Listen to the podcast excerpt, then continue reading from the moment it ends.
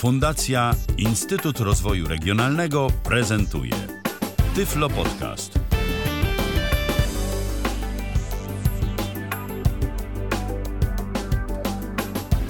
To jest Tyflo Podcast w kalendarzu środa, to 13 dzień stycznia 2021 roku. Jeszcze cały czas y, mam pewne zawahanie w głosie, jak mówię o tym 2021 roku. No ale rzeczywiście tak już jest. Mamy, te, yy, mamy ten nowy rok, a dziś właśnie podsumowywać będziemy rok y, miniony, rok 2020, jeżeli chodzi o wydarzenia tyfloinformatyczne, czy takie ogólnoinformatyczne, ale dotyczące yy, jakoś tam tam e, bezpośrednio czy pośrednio osób niewidomych i słabowidzących. Ja nazywam się Michał Dziwisz, a dziś e, wspólnie ze mną te audycje prowadzić będą Paweł Masarczyk. Do usłyszenia i cześć na nowo wszystkim. To tak wczoraj było do, tak. do usłyszenia, a już a, dziś się znowu słyszymy. A dziś się tak... znowu słyszymy. I Mikołaj Kołysz również. Tak.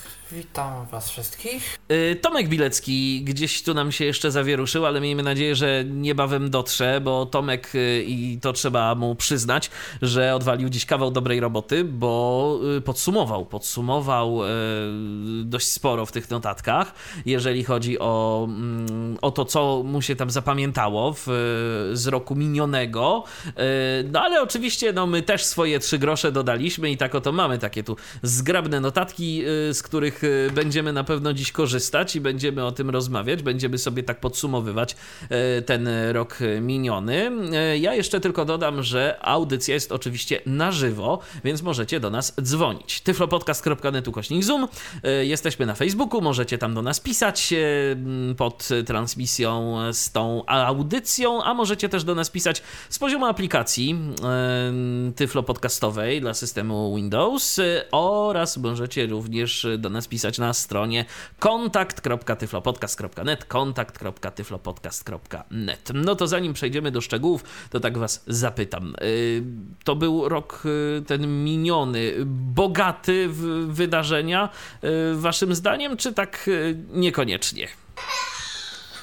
No, ja bym powiedział, że tak. Ja bym o, jest z nami Tomek. Tak, tak jestem. Hej, Tomku. Ja bym powiedział, że zdecydowanie tak, y, z kilku względów.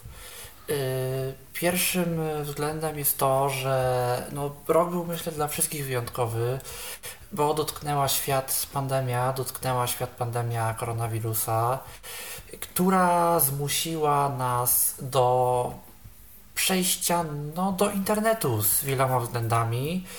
Y, wieloma rzeczami. Czym niewidomi tak naprawdę zbyt wielkich problemów nie mieli? Nie mieli, dokładnie. Owszem, w przeciwieństwie do widzących, dzień dobry Państwu, bo się jeszcze nie przywitałem. Dzień dobry, dzień dobry.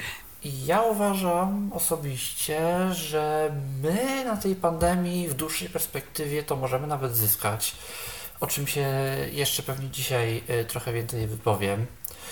Y, drugi news I druga taka, myślę, ważna w tym roku y, rzecz, która się zadziała, to jest oczywiście kolejny etap w wieloletnim procesie, ale myślę, że w tym roku zobaczyliśmy y, no, duży krok właśnie w tej kwestii. To jest rozpowszechnienie się sztucznej inteligencji pomagającej osobom niewidomym bo tak naprawdę rzeczy stały się dwie, właściwie trzy.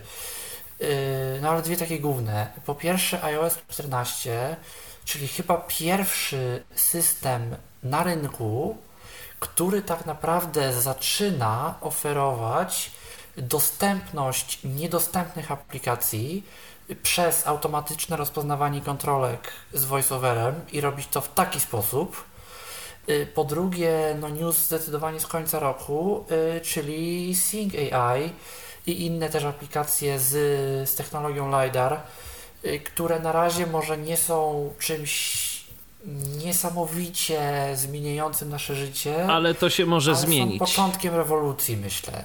I ja się nie zdziwię, jeżeli ta dekada to właśnie upłynie pod, pod tym znakiem czy to Soundscape, czy to właśnie Sync AI, raczej, raczej coś właśnie w rodzaju Sync AI z lidarem, względnie no, alternatyw robiących mniej więcej to samo, tylko lepiej. No i trzecia, trzecia taka, taka rzecz, yy, coś, co nie nastąpiło tak naprawdę od wielu, wielu, wielu lat na, na rynku osób niewidomych. Pojawił się na naszym rynku, powiedzmy, że na razie ledwo, bo ledwo, ale się zaczyna pojawiać. Nowy czytnik y, ekranu. Kolejny, tak, czytnik ekranu, kolejny konkurent do tego, tego miana bo Windows już jakiś czas temu z tego rynku zniknął. Został nam tak naprawdę JOS NVDA, no i gdzieś tam. I narrator, narrator ewentualnie. Tak, no a teraz wchodzi, wchodzi nowo, wchodzi ZDSR. Dokładnie. I o tym sobie na pewno też kilka słów powiemy, ale e, zanim przejdziemy do szczegółów, to jeszcze e, pozostałych e, dzisiejszych współprowadzących pozwolę sobie zapytać o te kwestie. Pawle, a jak w Twoim przypadku? To był dobry rok tak ogólnie, jeżeli chodzi o technologię? Ja myślę, że każdy tyflo przegląd taki prowadzimy, jakoś to pokazuje, że tyle się dzieje, że wbrew pozorom te, te podsumowania roku dużo ciężej się robi niż się robiło rok temu. Może dlatego, Bo... że my tak naprawdę teraz no, siłą rzeczy robiąc te tyflo przeglądy, to po prostu jeszcze bardziej jesteśmy w tych tematach, jeszcze, mhm. jeszcze głębiej w nie wchodzimy. Tak, ale wyszukujemy też różne rzeczy, których może nie byliśmy świadomi wcześniej, bo nie Zgadza było potrzeby produkowania tyle tego. E, kiedyś to się przejrzało całego Twittera i z całego roku, o czym na przykład tweetowałem, czy co tam udostępniałem i się z tego coś zbierało, moją część na przykład. A teraz wystarczy przejrzeć Tyflo przeglądy i to jakieś trendy nam wyznacza. Na pewno narzędzia do konferencji online i do różnych spotkań wideo zagrały dużą rolę, że się tym zainteresowaliśmy, bo to nie jest jakieś nowum powiedzmy, ale to, że nagle temu Zoomowi poświęciliśmy trochę, e, to, że gdzieś te Teamsy zaczęły się pojawiać, jakieś googlowskie tam e, Meet, mm, te jakieś Big Blue batony, że zaczęliśmy testować, co jest w sumie dostępne, co się do czego nadaje, bo to też nie jest tak, że każde narzędzie w każdym kontekście jest odpowiednie. Oczywiście. I się okazuje na przykład, że dla osób, które chcą prowadzić e, zajęcia z muzyki, ważne jest to, żeby ten dźwięk był w miarę czysty, nieprzetworzony i, niczym nie przefiltrowany i nie każde narzędzie to oferuje. Jak ktoś potrzebuje, tak jak na Wojtek, nasz słuchacz, prowadzić zajęcia z tłumaczeń, to potrzebuje mieć w jednym okienku YouTube'a, który puszcza tekst, w innym okienku studentów, którzy sobie tłumaczą e, i tak dalej. I to znowu nie każde narzędzie te wymogi spełnia. I nagle się okazało, że nie potrzebujemy jednego narzędzia, tylko kilku i żeby tych kilka narzędzi było dostępnych. No i się okazało, że trochę tego się poodkrywało, trochę się tego też pousprawniało. No i też w, w pewien nowy wymiar wkroczyliśmy, jeśli chodzi o uczestnictwo w webinariach, jeśli chodzi o to, że na przykład nagle się okazało, że wydarzenia są ogólnie dużo bardziej dla nas dostępne, chociażby przez to, że. Że organizuje wiem, się ich więcej online. Tak, ale te, to z jednej strony, że dostępne w sensie osiągalne, ale dostępne też z perspektywy takiej dostępności dla osób niepełnosprawnych, bo no nie wiem, bierzemy udział w wydarzeniu w obcym języku, wydarzenie ma napisy. Ja mogę nawet jako osoba niewidoma, mimo że nie mam problemów ze słuchem, e, popatrzeć w te napisy później i sobie doczytać to, czego nie zrozumiałem z wypowiedzi osoby mówiącej. Albo mm, dzięki funkcji Zooma czy Big Blue Batona pokazywania, kto mówi, można przyporządkować łatwiej głosy do imion, nazwisk y, osób mówiących. Mm, te udostępniania ekranu, które tam w niektórych sytuacjach pozwalają na odtwarzanie też jakiegoś dźwięku i jakiś dostęp do treści z czytnika ekranu ja myślę, że to też na nas wpłynęło. W ogóle ile się w Tyflo Podcaście zmieniło, to my też zaraz pewnie o tym powiemy, że e, no, mamy aplikację przecież dzięki Dawidowi, mamy rozdziały od początku roku. Dzięki tobie, na... tak naprawdę. no to tak, gdzieś się tak zainteresowałem tematem, że akurat w nowy rok strzeliło. Wróciliśmy na YouTube, wróciliśmy na, jesteśmy na Spotify'u, Deezerze, no wróciliśmy Dzięki na Patrykowi. Facebooka. Tak, y, to tak. Y, trafiliśmy na Facebooka, w sumie wróciliśmy do publiczności, że teraz można znowu do nas dzwonić, pisać, jest Zoom, y, więc u nas też się sporo zmieniło dzięki temu. Oczywiście i na pewno o tym sobie też powiemy, ale jeszcze dajmy mm, Tomkowi powiedzieć kilka słów. Tomku, jak to w Twoim przypadku? To był dobry rok technologicznie? E, no, zapewne tak, choć w technologii dzieje się dużo. U mnie w domu dzieje się dużo, bardzo w tej chwili, co pewnie słychać. I Oj, słychać. to może być jakiś problem. I to może być jakiś problem, no ale to, to, ale to takie po prostu, wiesz, no, z wydarzenia losowe, na które nie masz wpływu, ale no to jest, proszę Państwa, audycja na żywo i to już po prostu to tak jest i pewnie, no przez najbliższych kilka lat jeszcze będzie.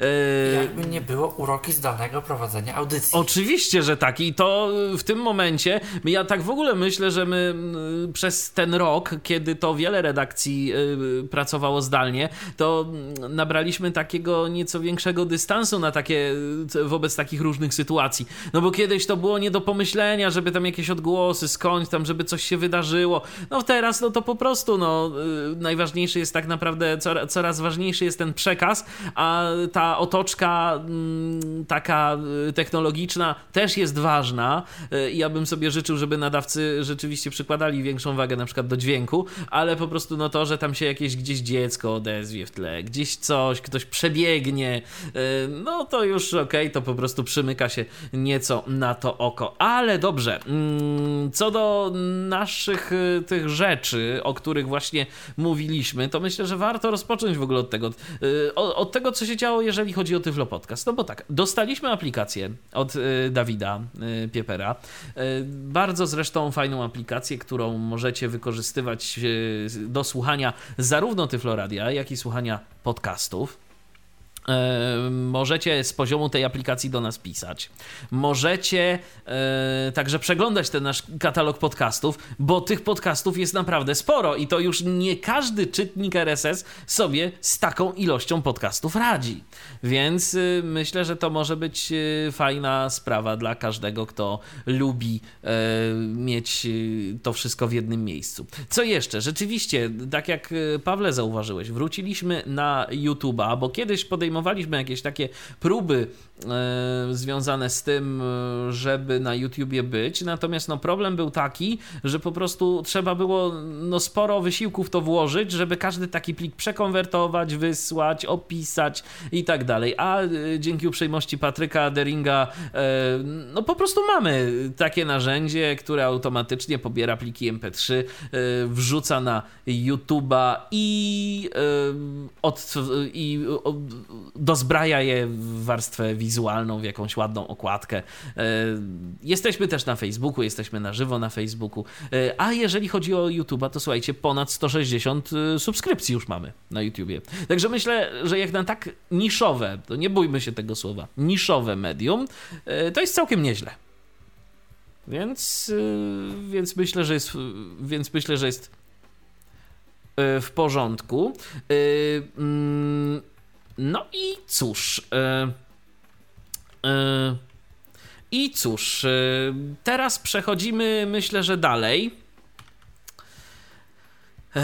Przechodzimy, myślę, dalej do kolejnych tematów. Zmiany w screenreaderach. To już, Mikołaju, ty gdzieś tu zajawiałeś ten temat, więc możesz go troszeczkę rozwinąć. ZDSR. Tak, ZDSR. Pierwsze, co się na pewno zmieniło, to ZDSR. No jak już mówiłem, kolejny gdzieś tam konkurent y, na, na, na Windowsie do, do, do tego screenreadera. Y, no to coś, czego tak naprawdę no nie mieliśmy od, od bardzo dawna. Nowy screenreader, który jest używalny, który nie jest zabawką, tylko który naprawdę coś, coś zmienia, coś wnosi y, ma coś ciekawego. Ja się sam osobiście zacząłem trochę tym ZDSR-em osobiście szczerze mówiąc bawić. Y, bo go mam od jakiegoś czasu. No i, i, ma, to, i ma to swoje, parę swoich fajnych rzeczy. Chociażby na przykład y, ta szybkość.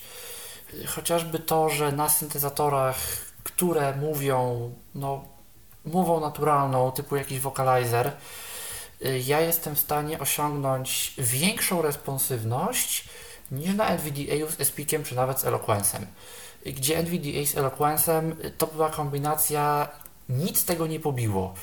NVDA z Espikiem był trochę gorszy, y, a NVDA w ogóle SAPI, Vocalizer, to, to można było o rozposobności zapomnieć. Gdzie ZDSR? No ZDSR, Vocalizer, ciężka synteza, dużo potrzebująca zasobów, a to wszystko działa natychmiast. Yy, no, no, no, zwi zwinność, myślę, tego screenreadera to będzie chyba jego jedna z największych zalet.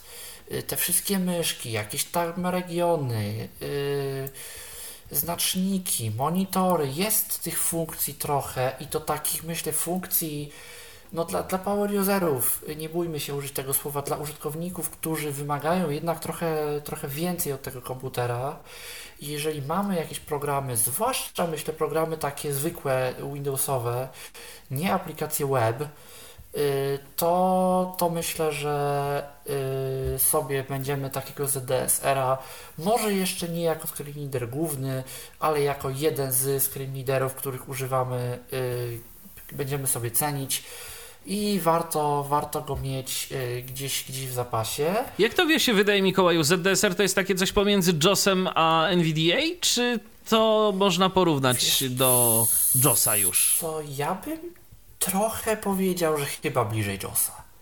Ja bym, ja bym mimo wszystko skłonił się, że to bardziej JOS niż że to bardziej NVDA. Bo to jednak mimo wszystko to, to filozofią to ja uważam, że bardziej zdecydowanie JOSowe niż, niż NVDA-owe. Bo to jest jednak screen reader z dużą ilością dziwnych funkcji, nastawiony na produktywność, a nie tylko na to, żeby to było używalne i żeby to jakoś działało. I oczywiście o ZDSR-ze jest podcast. Jeżeli macie podcast, ochotę oczywiście. posłuchać z Arkiem Świętnickim, rozmawiamy o tym programie.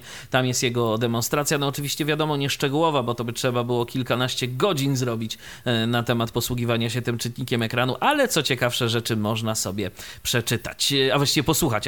Ja już tak wyprzedzam trochę, myślę, myślą to, co, co chcę powiedzieć, bo właśnie przed momentem przeczytałem taki komentarz od naszego słuchacza Łukasza. Y, siema tyfloświry, jak y, was nie było, to nie było, ale jak jesteście, to codziennie. No ba, trzeba w końcu nadrobić. Łukaszu, ale fajnie, że nas słuchasz, y, a może coś powiesz na temat tego, co tam dla ciebie było, jakimś takim te, zeszłorocznym technologicznym przełomem. Zapraszamy bardzo serdecznie. To akurat jest komentarz z Facebooka. Kolejna rzecz, która się wydarzyła jakoś tak y, na przełomie 2019 i 2020 roku, jeżeli chodzi o świat czytników ekranu NVDA, no to wtedy było głośno i, i tak naprawdę to się powinno wydarzyć w 2019, ale to się wydarzyło na początku 2020. To było celowo y, tak zrobione, żeby po prostu no, na święta ludziom za bardzo humorów nie popsuć. Y, NVDA i nowy Python. Tak, 2000 wersja jeszcze sygnowana 2019.4 y, bodajże, no ale tak jak już Michale powiedziałeś, wypuszczona y, na rynek w roku 2020. Przepraszam. No i wiele zmian. Myślę, że tak wiele zmian, y, jak jeszcze no, w ciągu przynajmniej ostatnich wielu lat w NVDA nie było. Ja jak NVDA używam od roku 2000 11 od wersji 2011.1, to ja takiej wersji nie pamiętam, szczerze mówiąc.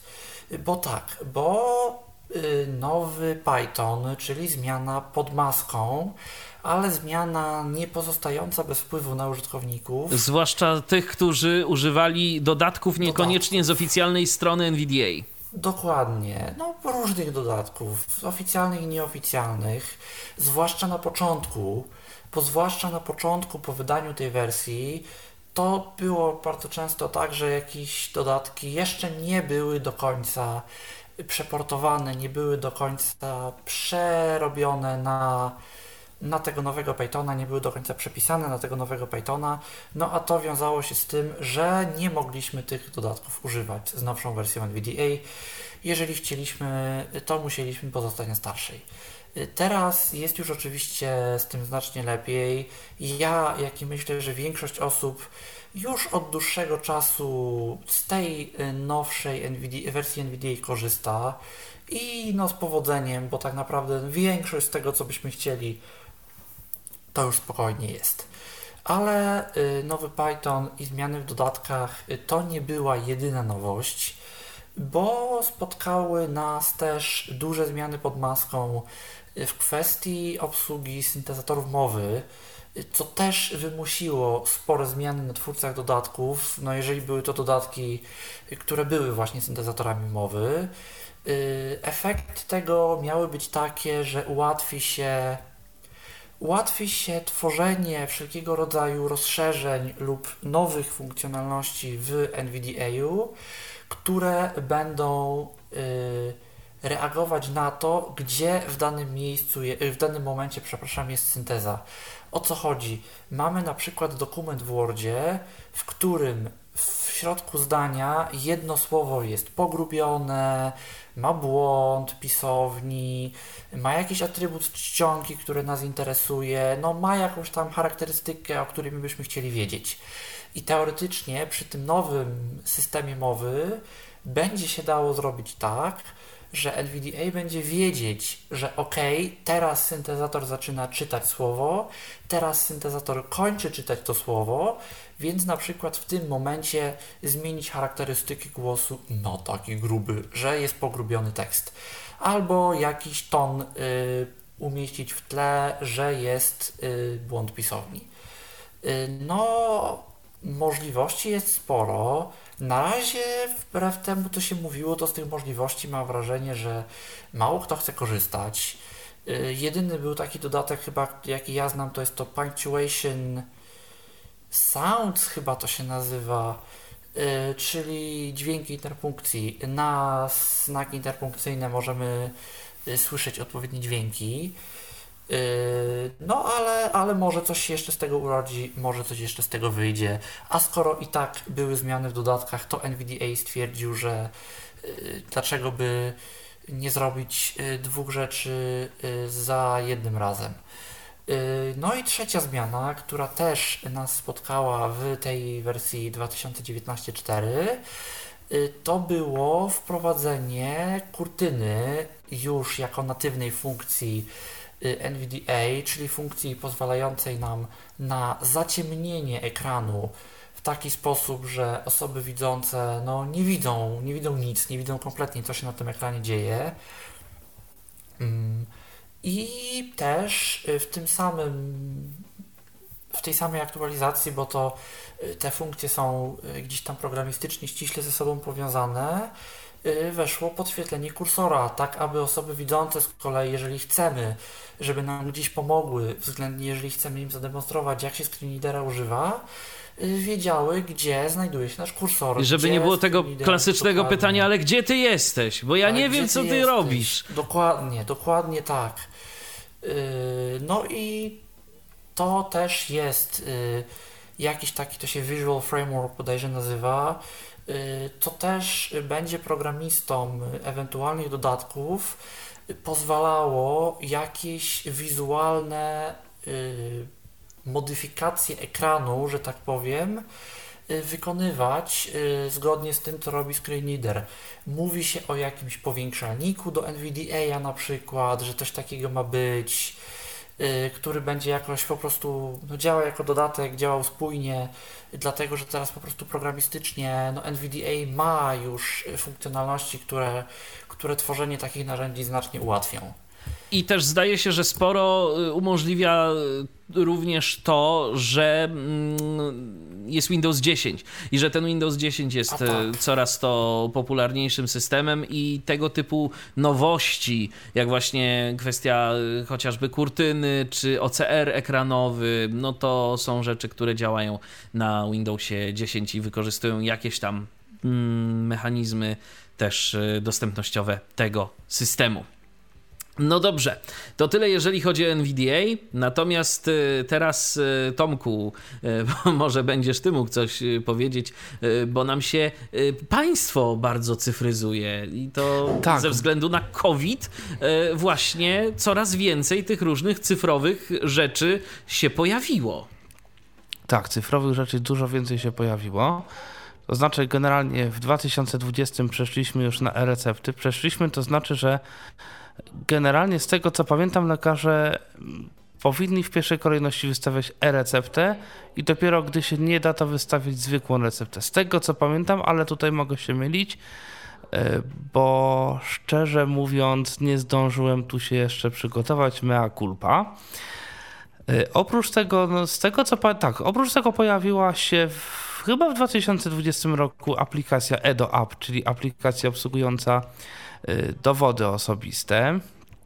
Mm, też ze względu, to już w ogóle ze względu na COVID, y, pojawiła się możliwość wyrobienia profilu zaufanego y, przez, no zdalnie powiedzmy, bo wcześniej, wcześniej, przepraszam, muszę, ale na to zdrowie. COVID. Wcześniej trzeba było to robić albo no, przez wizytę w, w urzędzie, albo przez y, bank. Natomiast teraz da się jeszcze to zrobić troszeczkę, troszeczkę inaczej. Ale albo to są da, chyba te, dało. te, wiesz co, to były jakieś takie tymczasowe te profile tymczasowe. zaufane. Tak, ale mimo wszystko, no, no dało się, tak? To jakby Zgadza nie się. było, że a w sumie to... Mm, co jeszcze? No, przede wszystkim bardzo, ale to bardzo dużo nowych profili właśnie zaufanych, nowych instalacji yy, tych różnych usług cyfrowych i podobno kiedyś, znaczy kiedyś, z tydzień czy dwa tygodnie temu czytałem jakieś takie podsumowanie, gdzie w 2020 roku mm, z reguły ludzie się rejestrowali w tych różnych e-usługach, czy elektroniczny portal pacjenta, czy nawet te ZUS-owskie różne rzeczy, czy właśnie profil zaufany, to było dwa lub trzy razy więcej z reguły niż w latach ubiegłych, a z profilem zaufanym to podobno w ogóle było tak, że y, w, w, w, końcówce tego roku mamy dwa razy więcej ludzi, którzy mają profil zaufany niż na końcu 2019 roku. I mam wrażenie, że to też trochę było spowodowane czymś takim, że no wcześniej to ludzie, no zwłaszcza widzący, powiedzmy, którzy jakby nie muszą mieć e, niczego cyfrowego, bo sobie przydają z kartki. Ja no sobie pójdę gdzieś tam, są... załatwię coś tego. To... Dokładnie. A w tym roku to trochę. A to ten internet przez ten komputer tam robić. To nie wiadomo jak to działa. Czy to działa, to podobno to jest jakieś dziwne i tu podobno są problemy i w sumie to po co mnie to? No okazuje się, że niekoniecznie po co mnie to. E, zresztą w tym roku tym bardziej to będzie potrzebne, e, chociażby dlatego, że są e-skierowania, o których mówiliśmy, w, e, zdaje się, w, albo w ostatnim, albo w tym bonusowym Tyflo przeglądzie. Mm. bonusowym nawet bym się upierał. Bo... Tak, to warto przypomnieć, bo do e-skierowań będzie wymagany portal pacjenta, ponieważ tam trzeba będzie podać numer SMS, znaczy numer, mail, numer telefonu, na którym można będzie wysłać SMS lub y, maila, na którym dostaniemy. Znaczy to w ogóle z tym portalem pacjenta to jest chyba tak, że jak mamy profil zaufany, to my tak naprawdę już tam jesteśmy. Tylko po prostu trzeba się tak. tam zalogować. Tak, trzeba się tam zalogować. E, tam zostają już wysyłane e, też historia choroby i na przykład jak ja u siebie patrzyłem, to miałem chyba do 2012 czy 2010 roku jakieś różne swoje informacje o wizytach, kiedy przecież no, nie było tych wszystkich rzeczy. E, więc to jest chyba sukcesywnie gdzieś tam uzupełniane, te elektroniczne bazy. Te rzeczy były, te rzeczy z tego co wiem były, tylko one po prostu nie było, nie było ich dla nas. Lekarze nadal musieli to robić, nadal musieli się rozliczać i to nadal trafiało do tego systemu i NFZ to miał, tylko po prostu to nie do końca było dawane nam. A teraz Możliwe, no w każdym razie. po prostu nam dawane. W każdym razie teraz to jest nam dawane. E, no i tego jest coraz więcej. I no, tym, którzy jeszcze nie mają albo się wahają, czy założyć profil zaufany, czy spróbować się zaprzyjaźnić z tymi usługami, które może nie zawsze są e, najlepiej dostępne, w ogóle najlepiej wyglądają i nie są może jakoś najbardziej intuicyjnie zrobione, to tak, to zdecydowanie warto się z tym zaprzyjaźnić, szczególnie w naszym przypadku, no, gdy no, nie możemy różnych rzeczy czytać sobie tak prosto z kartek, zwłaszcza pisanych ręcznie, co niestety w przypadku niektórych urzędów zdarza się do tej pory. No i też warto y, pamiętać, że recepty to, recepty to zdecydowanie dobry wynalazek, y, bo już legendy krążą o pismach lekarskich, o tym jak tak. lekarze piszą, więc y, no te recepty to myślę, że nie tylko dla nas, ale też i dla pracowników aptek są istnym wybawieniem. Łukasz do nas napisał na Facebooku, ponieważ jestem użytkownikiem sprzętu z logiem nadgryzionego jabłka, to bardzo czekam czekam na rozwój e, LiDARa, jak i funkcji opisów obrazów. To tak w kontekście tego mojego pytania, cóż tam cię Łukaszu zaskoczyło, e, jeżeli chodzi o mm, ten miniony rok, jeżeli chodzi o tyfloinformatykę. Tak, Mikołaju? Jeszcze myślę, że warto powiedzieć e, o usługach, o państwie, co się dzieje. Podzieje się kilka takich ciekawych rzeczy dla nas. Po pierwsze, usługi, no na razie niewiele nam dające, ale które w tym roku albo powstały, albo zaczęły się gdzieś tam mocniej rozwijać, czyli moje ID, czyli EID, które potencjalnie nam pozwolą Y, w internecie, y, w firmach też prywatnych, nie tylko w instytucjach państwowych y, się uwierzytelniać, podawać nasze dane bez konieczności bawienia się w czy to jakieś wideo weryfikacje, robienie zdjęć dowodów, zdjęć naszej twarzy, co z dostępnością ma bardzo często niewiele wspólnego i jest to bardzo często proces, którego bez osoby, nie, bez osoby widzącej nie dokonamy. Czy nawet kwestia typu podpisanie umowy y, z jakimś operatorem, na przykład komórkowym, y, gdzie do tej pory to była kwestia no, podpisania fizycznej kartki, którą musieliśmy w jakiś sposób mieć przeczytaną. Y, czy nam to przeczytała zaufana osoba, czy nam to przeczytał pracownik salonu, to już jest inna kwestia, ale to też była jakaś niedogodność.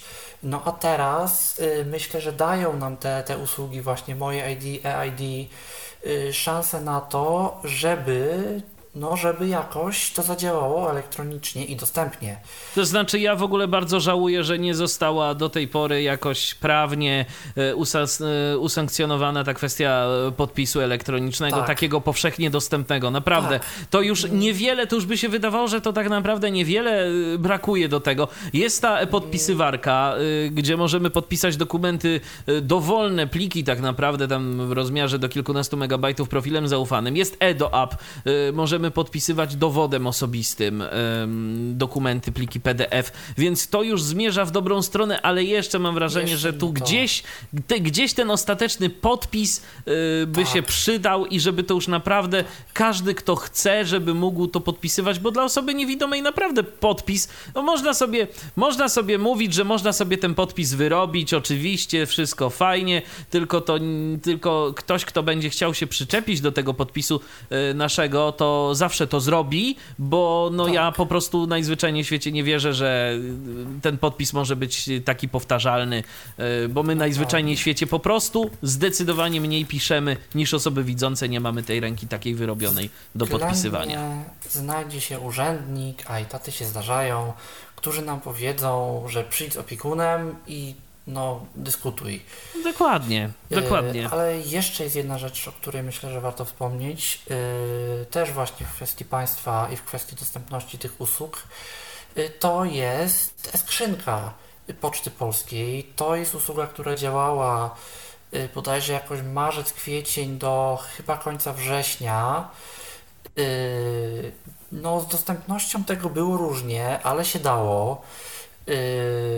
I była to usługa, która tak naprawdę po raz pierwszy i myślę, że jako jeden z pierwszych krajów na świecie, bo niewiele krajów z tego co wiem ma taką opcję, pozwalała nam, osobom niewidomym, yy, czytać listy. Oczywiście nadal musieliśmy posiadać yy, oprogramowanie OCR na naszym komputerze, ale nie musieliśmy się już przejmować skanem, nie musieliśmy się już przejmować tym, że ktoś nam coś wysłał i nie do końca wiemy, który to lista, która to koperta i tak dalej. Po prostu, jeżeli przychodził do nas list, oczywiście tam określonej kategorii, czyli polecony raczej z instytucji i coś tam jeszcze, y, a i chyba nie z sądu i nie z jakichś jeszcze kilku tam y, instytucji wyłączonych, to ten list automatycznie trafiał do naszej skrzynki, dostawaliśmy maila, mogliśmy sobie ten list zeskanować. Y, teraz, z tego co wiem, i to Jacek ostatnio Zadrożny pisał na Twitterze, że podobno została reaktywowana ta usługa i że podobno można znowu konta zakładać. Więc ja się muszę przyjrzeć, ja muszę sprawdzić, szczerze mówiąc, bo, bo jeżeli tak, to myślę, że warto. To jest dobra rzecz. Taki konto, tak, bo to jest bardzo dobra rzecz. Oczywiście, że tak. Y, kolejna rzecz y, i kolejna kwestia, y, która to w zeszłym roku była na topie i o której już tu zresztą wspominaliśmy, to ty, Pawle, też wspominałeś te kwestie, to wszelkiego rodzaju aplikacje do komunikacji zdalnej, do łączenia się na odległość, do telekonferencji konferencji, z którymi po prostu chciał, nie chciał, no musieliśmy się zaprzyjaźnić. I moim zdaniem to jest kwestia bardzo pozytywna, w tym wszystkim też taka, że te trzy największe aplikacje, czyli Zoom, Teams i Google Meet, e, które są używane w środowisku, w zasadzie wszędzie, no to one po prostu są dla nas bez większych problemów dostępne. Że my nie zostaliśmy tak z automatu po prostu wykluczeni z tego. Tak, to prawda. I rzeczywiście okazało się, że no nie tylko obecność w internecie ogranicza się do tego, że możemy gdzieś się wpiąć i z kimś porozmawiać, ale okazało się po prostu, jak ważnym jest to, żebyśmy mogli tym sprawnie zarządzać, zarówno jako uczestnicy, jako jako osoby prowadzące. Jakimś wyciszaniem mikrofonu, tym, że w ogóle wiemy po wejściu, że nas słychać albo nie, że kamerę mamy włączoną albo nie. E, teraz cała kwestia właśnie tego, jak my na tej kamerze się pojawiamy, czy powinniśmy, czy nie. Jak się pojawiamy, to jak się upewnić, że nie widać w tej kamerze czegoś, czego nie chcielibyśmy, żeby było widać. Jakieś e, tworzenie tła zielonego czy innego, jakieś różne triki i tak dalej. Że my tego wszystkiego zaczęliśmy się jakoś uczyć, w związku z tym, że ta pandemia przyszła. I okazało się, że to ma duży potencjał w ogóle robienia całych, nawet, nawet wydarzeń. Bo zaczęło się od prostych jakichś może rozmów w kilka osób, potem jakieś webinaria, jakieś konferencje, jakieś powiedzmy właśnie jak nasz Szczyflo Podcast, po ICC Weekend, który tak naprawdę się okazał wielkim sukcesem, gdzie to się już rozwinęło potem w takie rzeczywiście spotkanie towarzyskie, na którym było mnóstwo osób w ramach jednego spotkania na Zoomie porozdzielanych z jakąś muzyką, która leciała w tle i tak dalej, więc widać, że to nie jest tylko to, że możemy sobie wejść, wyjść i powiedzieć sobie, że odbyliśmy spotkanie, ale możemy w tym wszystkim być kreatywni i w tym możemy się też wykazać jako organizatorzy. I to myślę jest tak najbardziej super, że odkryliśmy to, że te mm, programy mają wiele funkcji, bardzo przydatnych funkcji, dość zaawansowanych funkcji, y, które pomagają nam to wszystko organizować. Dokładnie, no powiem szczerze, dla mnie te, odkryciem technologicznym zeszłego roku to jest Zoom. O, tak. To jest program, który już był przecież z nami przez ileś lat obecny, ale mm, gdzieś tam tak y, dzięki książce y, Jonathana Mozena, która została udostępniona w tej wersji audio, tak się nieco bardziej z tym programem zapoznałem i muszę powiedzieć, że to jest naprawdę narzędzie, które nawet tutaj, w tym momencie, jak tak sobie siedzimy i realizujemy mm, audycję, to już chociażby z tego powodu ułatwia yy, mi pracę. Bo tak jak kiedyś, to jeszcze trzeba było zadbać o jakąś aplikację do telefonu, trzeba było zadbać jeszcze o jakieś dodatkowe rzeczy, a w tym momencie to tak naprawdę bez względu na to, czy komuś jest wygodniej do nas się połączyć przez telefon, czy przez aplikację mobilną, czy przez przeglądarkę internetową, ja to wszystko mam w jednej aplikacji, mogę tym zarządzać, mogę łatwo wpuszczać yy, yy, osoby, które do nas się dodzwonią i po prostu ten, realizacja tej audycji przebiega nam sprawnie. A gdyby była taka sytuacja, że już kompletnie nie miałby możliwości sprzętowych, żeby po prostu poprowadzić audycję w Tyfloradiu, to zawsze można by było zrobić e, transmisję bezpośrednio z Zooma na Facebooka i albo YouTube'a. I może nie wyglądałoby to tak fajnie, może byłoby troszeczkę gorzej słychać, ale dałoby się to poprowadzić prowadzić i nie trzeba by było użyć do tego tak naprawdę żadnego zewnętrznego sprzętu. Można by było to zrealizować po prostu z poziomu komputera. Także to są naprawdę fajne rzeczy. Już nie mówię nawet o możliwości dołączenia do jakiegoś spotkania ze zwykłym telefonem. Oczywiście. Takim zwykłym, naprawdę najzwyklejszym telefonem. Co mi tutaj już na przykład w, no, w Tyfloradiu uratowało raz skórę bo mi coś internet chyba odmówił wtedy posłuszenia i się, i się raz odzwaniałem. Y, no i też na przykład ja chyba najbardziej z nas wszystkich y, ten rok przeżyłem na Zoomie, bo i y, ostatnia klasa liceum, klasa maturalna i teraz studia, no to to wszystko stało właśnie pod znakiem Zooma i też były nieraz i nie dwa takie sytuacje, że się komuś wydzwanianie telefonem przydawało. No, chociażby też ta funkcja nagrywania. Teraz załóżmy, że coś by się stało nam z technologią i totalnie by wszystko padło, to nawet smartfonem możemy do chmury zoomowej nagrać tą audycję. I to nagranie też nie będzie jakieś cudowne, jak chodzi o jakość, ale zawsze jakiś backup. Pawle, ale właśnie tak a propos tych backupów. Yy, ja jestem niemal na 90 parę procent pewien, że słuchacze Tyflo Przeglądu nie zauważyli Mm, jeżeli nie słuchali nas na żywo, a była jedna taka audycja, ja już teraz nie pamiętam która, ale była taka audycja, z której kawałek musiałem po prostu dokroić właśnie z takiego nagrania, yy, które się zarejestrowało w chmurze zoomowej ta jakość tego dźwięku, o ile jeszcze jakiś czas temu była no taka dość słyszalna, zauważalna, to oni ją teraz też poprawili i naprawdę w tym momencie, jeżeli coś się dzieje, jeżeli technika nas zawodzi, to wy sobie tu możecie rozmawiać. Oczywiście audycja na żywo no bierze w łeb, tak, bo, bo mamy przerwę, ale później, kiedy robimy z tego audycję, to odpowiednia obróbka, skrawanie i w zasadzie, jeżeli kogoś nie było na żywo, to nie ma, wraż- to nie ma wrażenia jakiejś awarii, nie ma wrażenia jakiegoś problemu e, w tej audycji, bo można to sobie wszystko tak ładnie przyciąć, dociąć i po prostu posklejać. To prawda, plus wszystkie oczywiście tweaki zoomowe. Fajnie, że Zoom poszedł też w to, że yy, istnieją użytkownicy o ponadprzeciętnych potrzebach co do jakości i że pewne właśnie rzeczy można poulepszać, powyłączać, powłączać i brzmi to dużo lepiej niż, niż na większości takich tych platform webowych powiedzmy. No i rzeczywiście, ile już rzeczy zrealizowano w tym roku mm, przez to, tak nawet sam po sobie patrzę. Brałem udział w ogóle w jakichś konferencjach zagranicznych, które były w innej strefie czasowej, bo się dało. Y, brałem udział w turnieju gier audio, bo się dało. Brałem A udział to pamiętam, obozie... bo pomagałem ci w tym. Tak, tak, tak. I właśnie ja zdecydowałem się na transmisję mojego dźwięku z komputera y, sędziemu w mojej grze przez Zooma, bo tak po prostu było chyba najłatwiej, niż to jakoś przez telefon Zgadza się. I i wymyślać jakieś cuda. Y, no właśnie ICC, więc, więc dużo rzeczy tak naprawdę w tym roku. Człowiek nie wyszedł z domu, ale był w, wirtualnie w tylu różnych miejscach dzięki tym technologiom.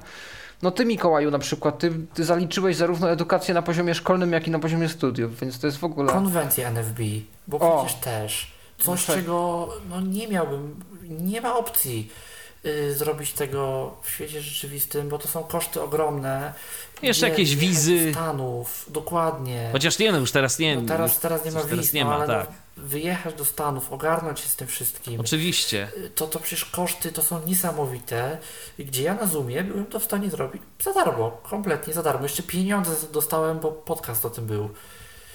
Więc no, więc to, to bardzo wyrównuje to szanse, wyrównuje to szanse niesamowicie.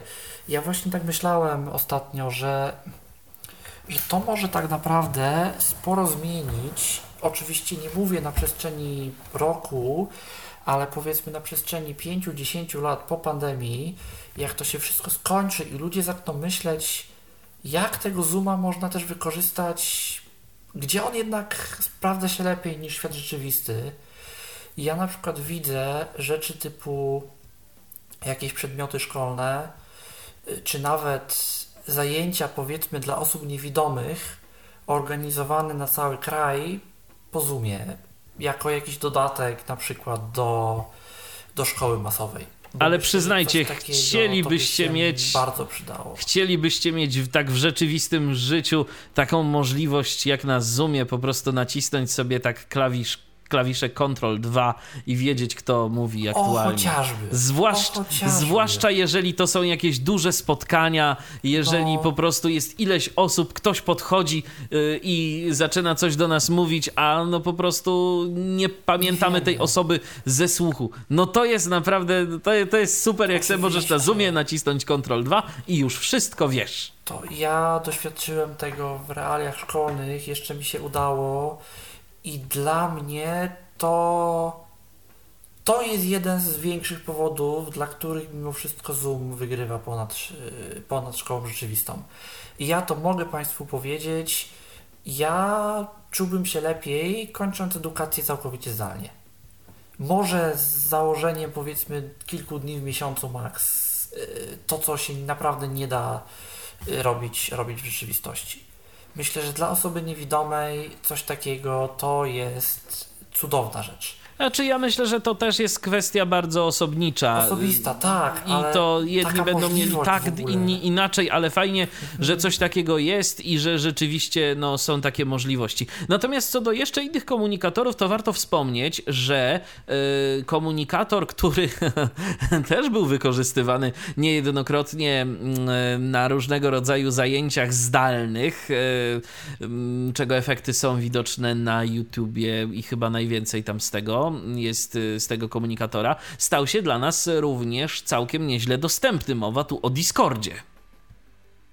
Ja w ogóle myślę, że w tym roku jest taki jakiś wzrost tych wszystkich y, bazujących na interfejsach webowych komunikatorów, które stały się dostępne z Arią.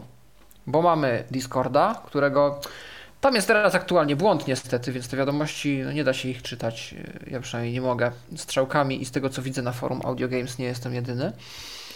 No ale powiedzmy, że w teorii można strzałkami chodzić po liście i dzięki ARI czytać po prostu tak, by to był natywny komunikator w natywnym jakimś języku programowania i kodowania interfejsów. To samo WhatsApp Web, gdzie to też się ostatnio zepsuło, ale na jakimś etapie działało. To samo Messenger, gdzie to rzeczywiście działa. I widziałem też tak wstępnie jakoś to działa w Signalu na desktopie. Więc to jest rzeczywiście fajny trend, że te webowe rzeczy też stają się bardziej dostępne niż niż tylko tyle, że po prostu tutaj robimy nagłówki, tu zrobimy jakieś listy, tu jakieś przyciski i spoko. Tylko rzeczywiście kilka firm sobie zadało trud, żeby to zrobić yy, w miarę sensownie dostępne i myślę, że to jest też całkiem super, ale tak, tu masz rację Michale, Discord to jest też takie moje troszkę odkrycie yy, tego roku, aczkolwiek aż tak się w niego nie wkręciłem jak właśnie w Zooma, nie mam aż tylu tam na przykład społeczności, w których coś by się działo, ale jest to, jest to ważny krok, bo na Discordzie dużo się dzieje rzeczy. I to już nie jest tylko komunikator dla graczy. Dokładnie, tam, tam przeszło dużo właśnie jakichś takich społeczności, które w jakichś celach się po prostu regularnie zbierają. Myślę, no. że to jest też na swój sposób super. Ja mam wrażenie, że Discord y, to jest poniekąd taki trochę powrót do korzeni i powrót do tego, czym kiedyś był IRC. Y, no, dużo, te, dużo tak. projektów, tak, bo dużo projektów teraz czego mam wrażenie, że kiedyś nie było, że jeszcze kilka lat temu to tak nie za bardzo y, otwarło się właśnie teraz na Discorda i ma tę swoją społeczność i, i to naprawdę z różnych dziedzin. Ja na przykład gdzieś tam y, w jakichś bardzo no, technicznych rzeczach siedzę, więc, więc wiem, że na przykład takie projekty mają ale też wiem, że na przykład wszelkiego rodzaju streamerzy na YouTubie, czy nawet niektórzy artyści, piosenkarze, yy, względnie społeczności fanowskie. Kiedyś yy, streamerzy na YouTubie to mieli na TeamSpeakach yy, swoje serwery, y, a tak. teraz mam wrażenie, że to się wszystko Discord, przeniosło Discord. na Discorda. Tak, nie dość, że kanały głosowe, to mamy kanały tekstowe, mamy rzeczy typu zadajemy komuś pytanie, bo nie wiemy, jak coś zrobić. Mamy społeczność poświęconą konkretnemu tematowi. Jest podobno, ja szczerze mówiąc sam jestem członkiem, ale słyszałem takie informacje, że ponoć dość prężnie działa. Y, społeczność na przykład deweloperów gier audio y, z podkanałami dla różnych języków programowania, dla różnych technologii, w których te gry audio są tworzone, y, dla jakichś tematów typu, nie wiem, dźwięki, sound design, i tak dalej. I teraz, jeżeli jesteśmy w to zaangażowani, to wchodzimy sobie po prostu na taką społeczność, wchodzimy w kanał, powiedzmy, nie wiem, o Pythonie i pytamy, jak zrobić w grze audio takie i takie, bo ja bym chciał, a nie wiem. Yy, gdzie przed Discordem, no, mało było takich możliwości. Co no, serwer na IRCU, kanał na IRCU, ale stawienie, postawienie czegoś takiego i dołączenie do czegoś takiego to też było mam wrażenie, że z tym sporo zabawy. To już trochę takie trącące myszką, bo Dokładnie. gdzieś tam powiedzmy współcześni nawet ludzie zajmujący się technologią, yy, tak. to mam wrażenie, że oni już po prostu nie wiedzą, co to jest IRC i dla nich to jest jakaś taka przebrzmiała technologia, chociaż yy, jakby gdzieś tam pogrzebać, to by się podejrzewam okazało, że nie jedna rzecz yy, na tym IRC-u yy, gdzieś tam się zasadza, chociaż w dzisiejszych czasach to IRC głównie to chyba wykorzystują te złośliwe różne tam programy jako, jako swoje centra mm. dowodzenia. Ale też gdzieś w ogóle warto tak nadmienić, może to jest na razie lekkie nadmienienie, że nam tutaj znowu kolejna potęga rośnie na, na rynku komunikatorów, bo Matrix y, gdzieś zaczyna coś robić i to już naprawdę w poważnych, coraz poważniejszych instytucjach i na coraz większą skalę zaczyna być wykorzystywany, bo na przykład cały rynek edukacyjny w Niemczech instytucja odpowiedzialna za, za to podpisała tam e, jakąś umowę z firmą, no, która się tym zajmuje. I teraz w szkołach w Niemczech ma to się stać e, głównym komunikatorem, co też jest ciekawe, bo to będzie jeden z niewielu chyba komunikatorów obok Telegrama, który pozwoli potencjalnie na tworzenie klientów typowo dla osób niewidomych względnie klientów dostępnych. I myślę, że jeżeli się to faktycznie spopularyzuje, to jest szansa na to, że pojawi się taki klient albo przypadkiem, albo stworzony typowo dla osób niewidomych, który będzie, będzie oferował coś, coś ponad to, co oferują te oficjalne rzeczy, tak jak na przykład mamy w Telegramie, mamy Unigram na, na Windowsa 10. To się zgadza. My czekamy oczywiście na Wasze komentarze. Możecie do nas dzwonić, możecie do nas e, pisać. Jesteśmy na Zoomie, o którym tu przed momentem właśnie sporo rozmawialiśmy. Piszcie do nas też na Facebooku, no i kontakt.tyflopodcast.net. Te miejsca są do Waszej dyspozycji. No to teraz o pieniądzach może sobie trochę porozmawiajmy.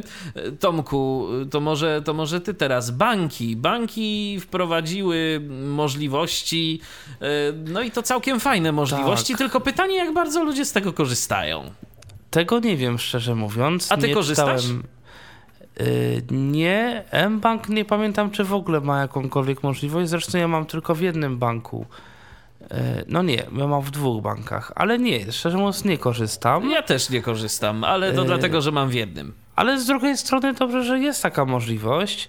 Pewnie. Mm, I w każdym razie chodzi o to, że coraz więcej banków pozwala na mm, dostęp do jakby do innych banków. To znaczy, że mamy sobie konto w banku X i bank X mm, tam ma jakieś tam rozwiązanie. Już nie pamiętam jak to się nazywa. Open Banking chyba, czy jakoś, nie pamiętam. Tak, w każdym, banking. W każdym razie pozwala to na przykład na sprawdzenie, znaczy to zależy, y, co ten bank będzie miał udostępnione i tak dalej, bo to jest jakby kilka możliwości tego wszystkiego. Można sprawdzić e, saldo na kolcie w innym banku. Można podobno w niektórych sytuacjach nawet zlecić zrobienie przelewów czymś takim. To się też przydaje. Mm, można też sprawdzać historię, lub bank może sprawdzić historię, jeżeli my tego będziemy. No nie wiem, czy chcieli albo musieli to zrobić, jeżeli chodzi o kredyty, na przykład, że chcemy wziąć jakiś kredyt, mm, no to do tej pory było tak, że jeżeli mieliśmy kilka kont w kilku różnych bankach, trzeba było te historie drukować, czasami przedstawiać, czasami coś, oczywiście w zależności od banku. No i teraz w niektórych bankach można sobie taką historię, y, ile my mamy w zasadzie pieniędzy, bank może też jakoś tam sprawdzić, oczywiście jeżeli my na to zezwolimy z tego co pamiętam, jeżeli nic nie, nie przekręciłem. E, no w każdym razie no, pojawiła się mm, możliwość. Mm, to chyba jeszcze w 2000, nie pamiętam, czy w 2019 roku nawet nie pojawiło się, nie pojawiła się ta ustawa chyba, która jakoś tam to regulowała, natomiast w 2020 roku no, część banków zaczęło już to wprowadzać, bo to się zdaje się pojawiło jakoś pod koniec 2019 roku. I to sobie banki powoli, powolutku wprowadzają na różnych poziomach. Oczywiście nie wszystkie, tylko niektóre.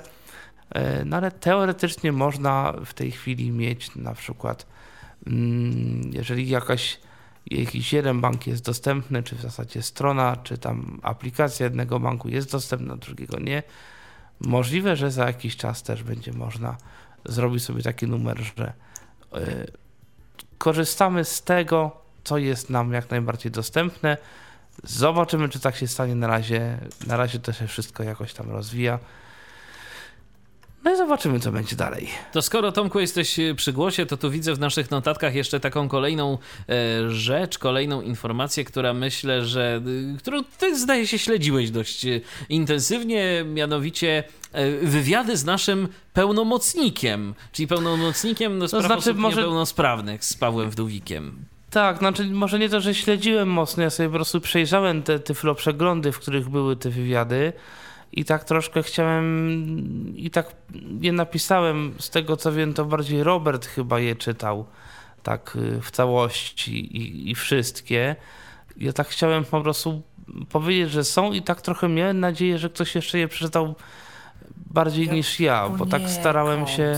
Ale to też odsyłamy do Tyflo Przeglądu, myślę, tego wtorkowego, bo tam dużo na ten temat mówiliśmy. Ale podejrzewam, że damy linki do tych y, wywiadów. Jeden z początku roku, drugi jest tam jakoś chyba z połowy, zdaje się, 2020 roku.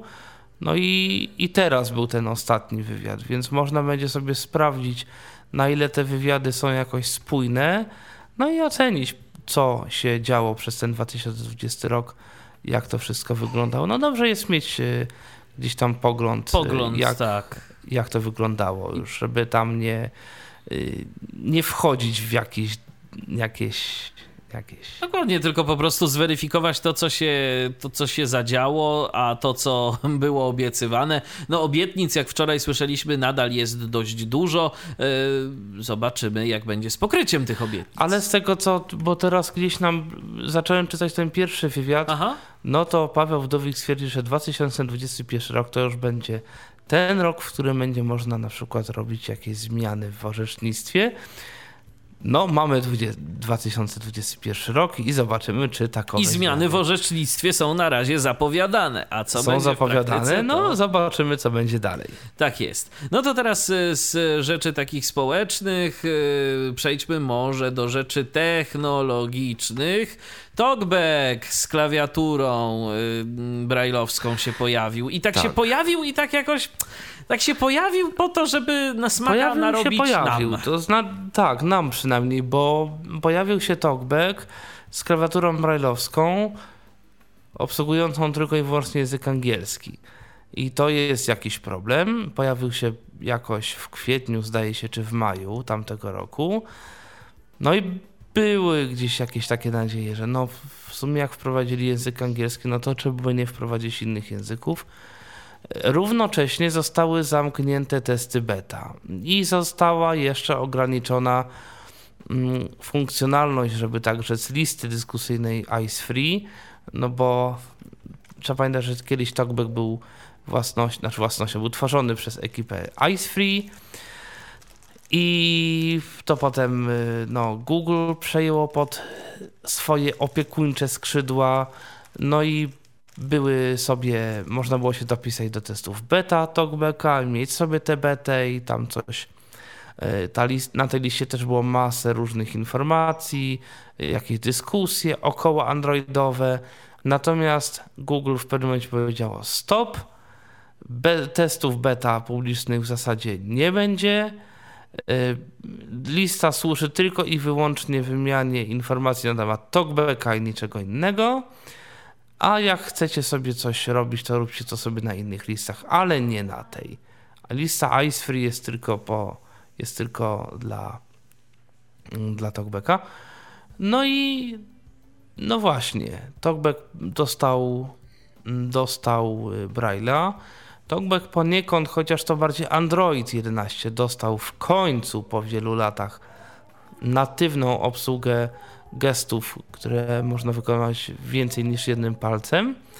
Yy, A czy to w ogóle jest ciekawe, bo na przykład yy, przewijanie dwoma palcami Talkback miał już od lat, wielu, więc to jest dość ciekawa sprawa.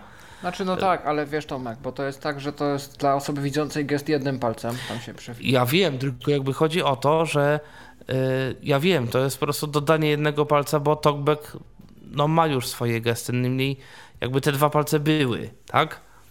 Tak, tak. w sumie w sumie dlaczego nie trzy, dlaczego nie cztery, zwłaszcza, że no były aplikacje nawet y, dedykowane dla osób niewidomych, chociażby to Poker, które obsługiwały gesty dwoma, trzema, czterema palcami. Y, były aplikacje nie tylko dla niewidomych, na przykład Go nawet Music Player, który też obsługiwał jakieś gesty kilku palców i Czy no, chociażby to Walker, nie? no to właśnie, Dotwalker to mówiłem, GoNet, no tam by jest generalnie kilka aplikacji, które, które to robią, tylko że one to robią, podejrzewam, jakąś tam swoim sumptem, a nie, a nie w sposób natywny. W Androidzie 11 no ponoć są te gesty y, z kilku, jak ktoś mówi, wielopalczaste. W sumie ciekaw jestem, jak to działa, zwłaszcza w kontekście właśnie tych aplikacji typu Dotwalker, które same mają takie gesty. Będę musiał kiedyś sprawdzić. No i no i już chyba. I tyle. Ja słyszałem, nie wiem na ile jest to prawda, że tam podobno była kwestia związana z patentami Apple'a. I że pewne rzeczy, które były robione przez niektóre aplikacje, to były robione na zasadzie to albo deweloper nie wiedział, albo liczył, że Apple nie będzie wiedział. Yy, nie wiem ile jest w tym prawdy, ale no takie do mnie doszły, że kiedyś to tam z Androidem się nie za bardzo dało, bo tam na VoiceOvera były jakieś patenty i nie do końca się dało pewne rzeczy zreplikować. Znaczy, no mówię, w tych aplikacjach typu Dotwalker, to co Tomecki wymienia GoneMat, no to jest znowu ten sam prosty trik, że w momencie, no dla osób widzących gesty przesunięcia dwoma palcami w górę, w dół, w lewo, w prawo i tak dalej były dostępne do różnych akcji, czy tam jednego palca i w talkbacku tylko się dodawało kolejny palec i to działało, więc to jest taki efekt uboczny trochę. No ale warto wiedzieć o tym. Też doszła oczywiście akcja, na którą dużo ludzie czekali, czyli wstrzymywanie i wznawianie multimediów. Czyli Magic Tap. Ale to tak też w iOS-a. je- 11 zdaje Tak, się. w 11. I no, mm, na to też dużo ludzi czekało. Można w końcu rozmowy odbierać, zakańczać. Też y, tym samym gestem y, mamy rozbudowanie opcji selektora, czyli to, że tam język jest teraz osobno, możemy języki na selektorze zdaje się wybierać, kurtynę przełączać, y, osobno szczegółowości różne przypisywać.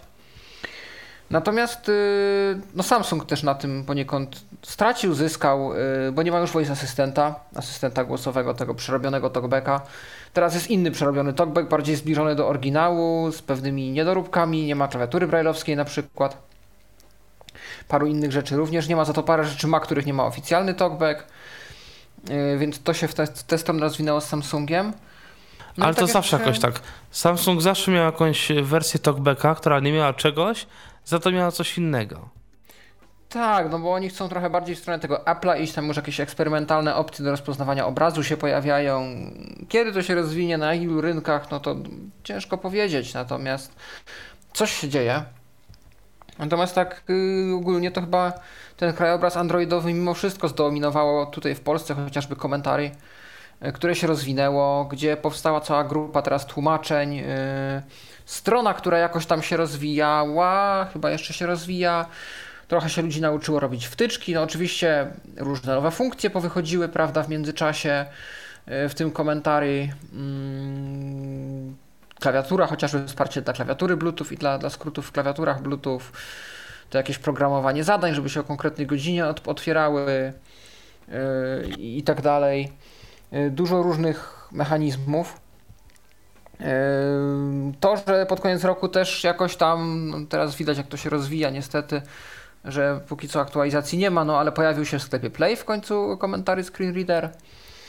No i, że tak powiem, zobaczymy. Natomiast yy, definitywnie dalej ten rok był taki, w którym ten komentarz Screen Reader jakoś tam się przebijał. No tak samo się rozwinął Advanced Braille Keyboard, który stał się... Ale jeszcze a propos komentarzy, e, niestety No. jedną, jedną rzecz zepsuli w komentary, to znaczy asystenta głosowego, bo w, kiedyś to działało tak, był skrót do uaktywnienia tego asystenta głosowego. I ten skrót oczywiście został, domyślnie przesuwał się palec w dół i w lewo. Przesuwając palec w dół i w lewo, włączał się asystent, mówiłem coś, wykonywałem ten sam gest jeszcze raz i dyktowanie się zatrzymywało i można było sobie coś, powiedzmy, gest, coś mówię, gest i wtedy jakby już nie czeka telefon na, na koniec mojej wypowiedzi, bo ja mówię mu, kiedy zakończyłem. Natomiast w pewnym momencie jakoś to się zmieniło, znaczy przestał być, przestało być, nie, zniknęła możliwość, o, wstrzymywania yy, nasłuchiwania i niestety problem polega na tym, że zarówno na telefonie, który miałem wcześniej, czyli ten sam co ty, ta sama Motorola co, co ty, Pawle, i Mhm. potem Nokia 4.2 i na obu tych telefonach to się zachowuje tak samo, znaczy to sobie czeka i czeka i czeka na ten koniec wypowiedzi. I po 15, może 20 sekundach to się doczeka. ale przez ten czas no on czeka na, na to, aż ja to Ale czy to powiem, jest tak, że chcę. to jest jakieś określone okno czasowe i zawsze? Czy po prostu on po tej, jak już ma ciszę, to jeszcze odczeka tak długo? Nie, on, to znaczy mam wrażenie, że on tak się upewnia, a może jeszcze co powie, Aha, może aha. jeszcze co powie. I to tak czasem krócej, czasem dłużej, czasem coś. I to tak różnie mu to niestety wychodzi. E, I ja sobie porobiłem swego czasu kilka takich e, mm, komend głosowych właśnie do komentarzy na uruchomienie różnych aplikacji od razu w jakimś tam trybie, czyli że uruchamiam aplikację, klikam jeden przycisk, drugi, trzeci przycisk, bo mi to zajmowało w sumie krócej, mm, gdybym to wypowiedział nawet z tymi dwoma gestami na początku, na końcu. Natomiast w momencie, gdy ja muszę czekać 15-20 sekund, to prawie nie ma takiego czegoś, co bym w te 20 sekund nie zrobił. I tak funkcjonalność praktycznie straciła dla mnie przynajmniej jakąkolwiek rację bytu, a szkoda, bo y, gdy to działało dobrze i tak jak ja chciałem, to rzeczywiście no, mogłem sobie zrobić kilka takich rzeczy, które no dość skutecznie przyspieszały pracę z telefonem. Ty jeszcze, Pawle, wspominałeś o Advanced Braille Keyboard, że się rozwinęła, tak? Y, Tak, stała się mm, przede wszystkim y, nakładką ekranową na pełny ekran, co jest i dobre, i niedobre. No dobre Tak. dlatego, że y, zakrywa wszystkie przyciski, paski i tak dalej, y, więc nie ma problemu, że coś sobie przypadkowo naciśniemy i nam się całe pisanie gdzieś y, schowa. Y, Niedobre, ponieważ no w Androidzie 10 do dziś nie działa Enter, przynajmniej oficjalnie. Mm, Ja też teraz się trochę tym bawię. Okazuje się, że dość łatwo jest to tak zawiesić, że no wymaga to restartu telefonu jak się w nieodpowiednim czasie nieodpowiednie rzeczy ponaciska. E, Ale doszło polskie tłumaczenie Pauliny e, i doszły emoji, wybieranie emoji e, i poprawki tablicy brajlowskiej polskiej e, i, i dużo różnych takich rzeczy, które sprawiają, że z tej klawiatury się coraz przyjemniej korzysta. No więc myślę, że to jest też ważna rzecz, którą tutaj warto, warto gdzieś podkreślić. Znaczy, Advanced Braille Keyboard to jest jeden z tych programów, których mi bardzo szkoda, bo z jednej strony mamy masę bardzo ciekawych funkcji, na przykład własne, powiedzmy, skróty. To znaczy, że ja y, piszę albo tam przytrzymuję dłużej, czy coś, jakiś znak, czy jakiś, jakiś skrót, i na przykład on mi pisze, nie wiem, adres, albo imię, nazwisko, albo co tam sobie zażyczę żebym pisał. Bardzo fajna rzecz, teraz znowu mogłoby bardzo, ale to bardzo y, poprawić komfort korzystania z telefonu i szybkość. Y, I właśnie emoji i tam różne, różne fajne rzeczy. No tylko co z tego, jak nie działa Enter i ma, albo można telefon zawiesić i, i to. No to prawda. Fajnie, to że ma masę opcji, ale kurczę, żeby był ten standard. Żeby stabilnie dobrze. to Tak. się zachowywało. No, znaczy powiedzmy, że to mój przypadek wynika z tego, że ja trochę tam ten Enter sobie taką oszukańczą metodą trochę zrobiłem tam przez baton mapera i jakieś tam wymuszanie pewnych rzeczy. Natomiast y, rzeczywiście brak tego Entera no, no sprawia, że ta aplikacja w wielu sytuacjach jest nieużywalna. No, no ale cóż można, można poradzić. Prawda? Ale za to teraz będzie pozytywna informacja, bo Google Pay bez pinu się w końcu pojawił. Tak, i sprawdziłem już to kilkukrotnie. Działa, przynajmniej u mnie. E, I w tamtym roku to się, zdaje się, w tamtym roku to się zaczęło pojawiać. Tak, w tamtym roku już były informacje na ten temat. To było informacje, że to w sumie mają wprowadzić, że to już u testerów. Nie pamiętam, żeby była taka informacja. Od dzisiaj wchodzi to wszystkim. Takiej informacji chyba nie było, ale z tego, co już rozmawiałem z kilkoma osobami, no u wszystkich, z którymi rozmawiałem, to działa, więc można nieśmiało założyć, że to zaczęło działać już u wszystkich. No i to rzeczywiście działa. Ma to w ogóle działać tak, tego jeszcze nie testowałem, że jeżeli odblokuję telefon tak od razu, to rzeczywiście jest bez pinu, znaczy to sprawdzałem. Natomiast jeżeli mam telefon odblokowany już tam jakiś czas i przykładam go do terminala, to wtedy, jeżeli jest powyżej 100 zł, jest wymagana jeszcze autoryzacja odciskiem palca. W założeniu chodzi o to, żeby nie było sytuacji na takiej, że ktoś mi wyciąga telefon z kieszeni i hulaj dusza robi zakupy na nie wiadomo jakie kwoty, byle zostawić ekran odblokowany. Nie wiem jaki to jest czas, po którym, po którym wymagana jest ta autoryzacja. No, ja starałem się raczej szybko to wszystko robić, więc tam parę sekund może udało się odczekać. Ale kiedyś będę musiał zrobić taki, taki eksperyment. Ale jak to jest? Ty odsuwasz ten telefon od terminala i potem go autoryzujesz? Czy, czy jak? Nie, to znaczy, jeżeli robię na, operację następną, znaczy nie wiem właśnie jak to wygląda. E, na pewno jak, jak e, inaczej, mogę zrobić w ten sposób. Odblokowuję telefon, po jakichś dwóch, trzech sekundach przesuwam go do terminala, no to po prostu to działa i już. Natomiast nie wiem, co się dzieje, gdybym na przykład pół godziny miał sobie telefon odblokowany i przesuwam taki odblokowany telefon dłuższego czasu do terminala. Wtedy nie wiem, co się, co się stanie.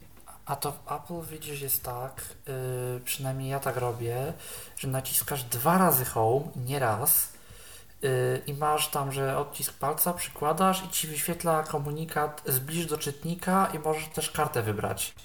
I w tym momencie zbliżasz coś takiego do czytnika, no i wtedy masz już autoryzację yy, ten Apple Pay zrobioną. Aha. To tu nie wiem, jak, jak jest w przypadku takiego dłuższego od, odblokowania. Możliwe, że właśnie po przesunięciu do czytnika jest komunikat, to teraz się zautoryzuj. Nie wiem, czy to jest możliwe.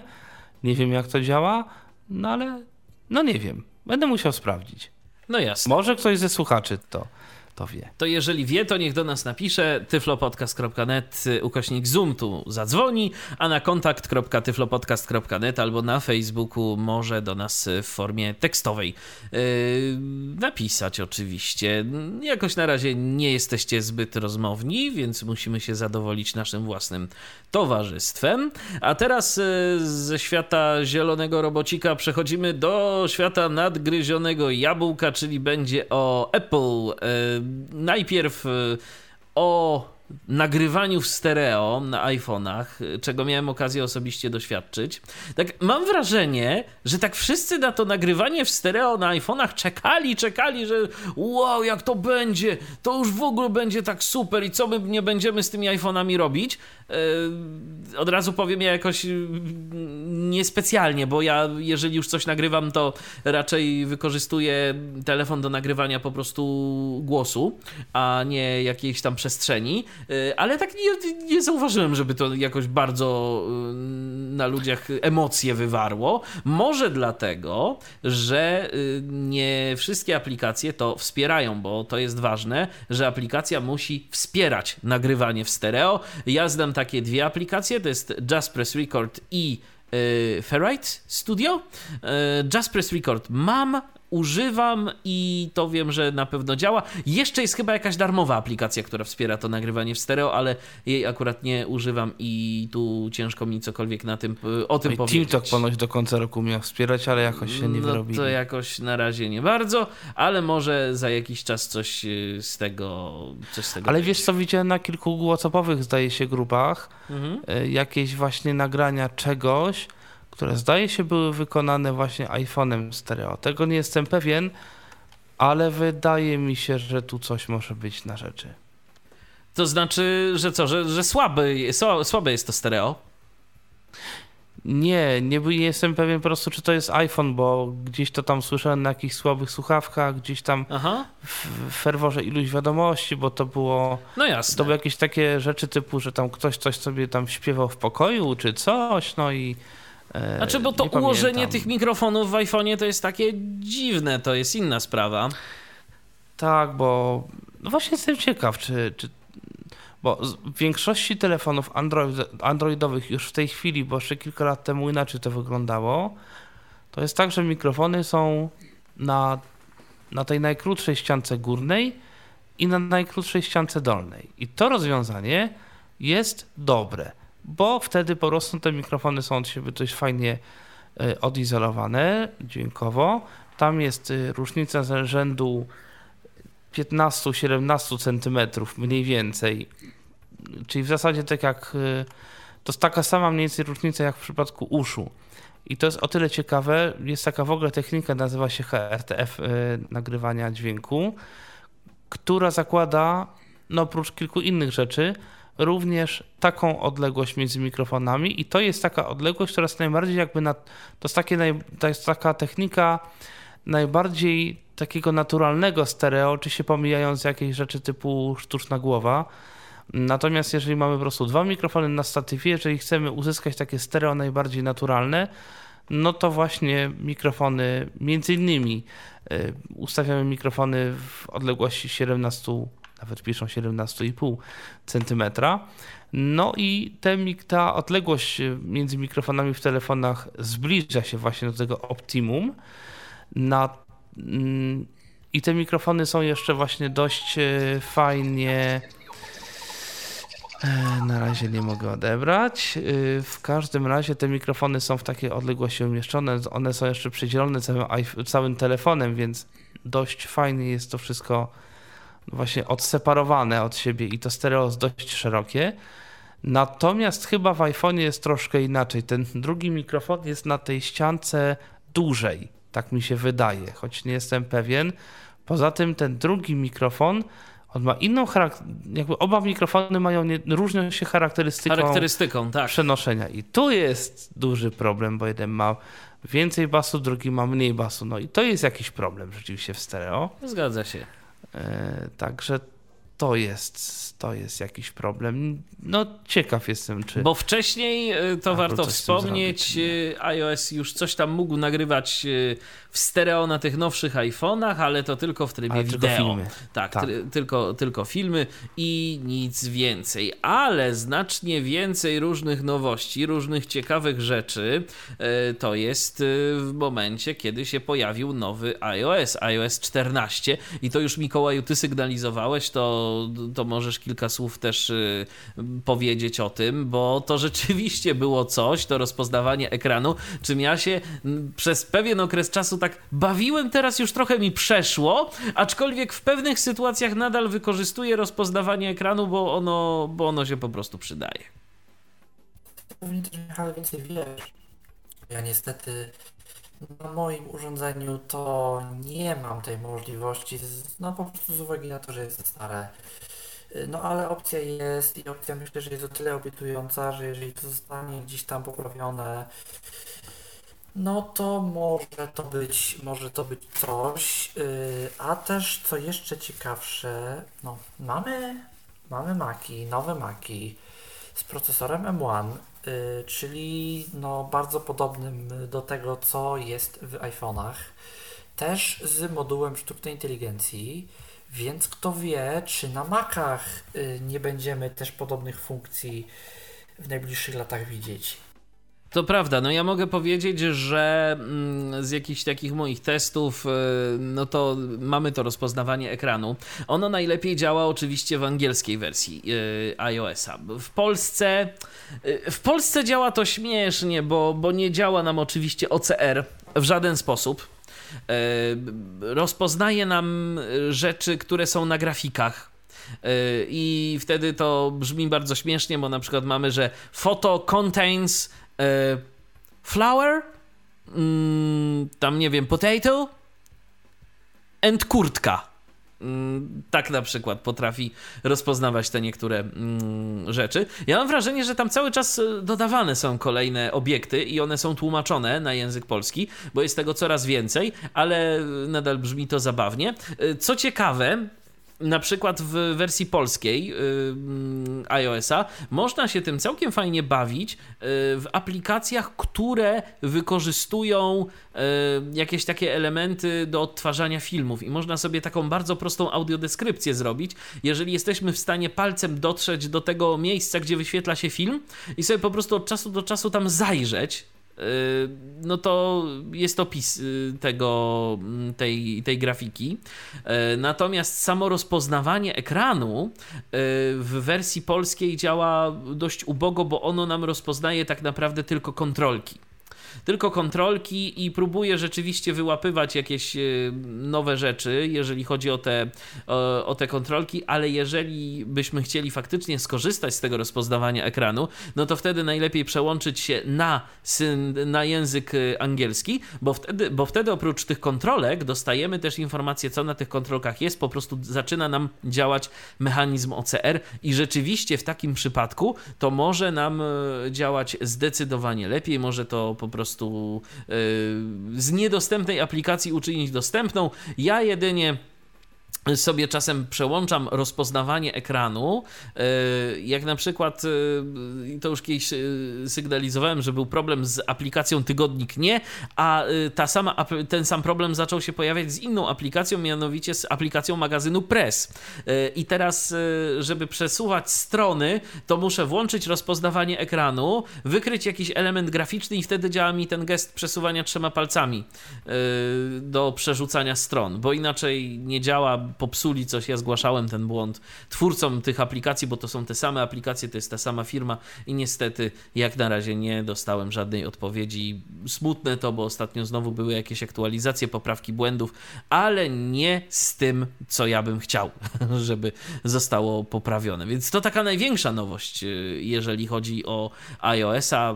No, mnóstwo różnych pomniejszych też y, tych nowości było, chociażby ten słynny kłopot y, z centrum powiadomień, co ostatnio ostatnio nawet jeszcze, a właściwie nie centrum powiadomień, tylko z tym alertem do wdzwaniania się. Jeżeli ktoś do nas dzwoni, to mm, ten alert się pojawiał gdzieś tak na górze ekranu i ludzie mieli kłopot z tym, żeby do tego dojść, żeby odebrać to połączenie, żeby tam się dowiedzieć w ogóle, kto do nas dzwoni, więc to dla nas takie mało mm, gdzieś tam przyjazne było, ale ogólnie iOS 14, no mm, nie wiem, to Mikołaju, to znowu pytanie do Ciebie, nie wiem, czy ty, Pawle, jeszcze tam coś używasz, y, co, co, co jest z iOS 14, y, ale jak wam się już w tym momencie pracuje na tym systemie? Bo tam początki też były różne, ale teraz już jest nie, chyba ok.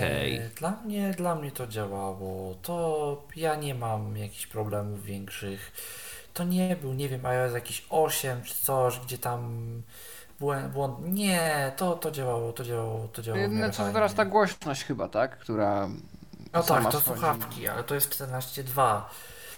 Y, to dopiero w którejś kolejnej aktualizacji weszło, bodajże 14.2, y, a nie, nie samym 14, więc... No więc tak to wygląda.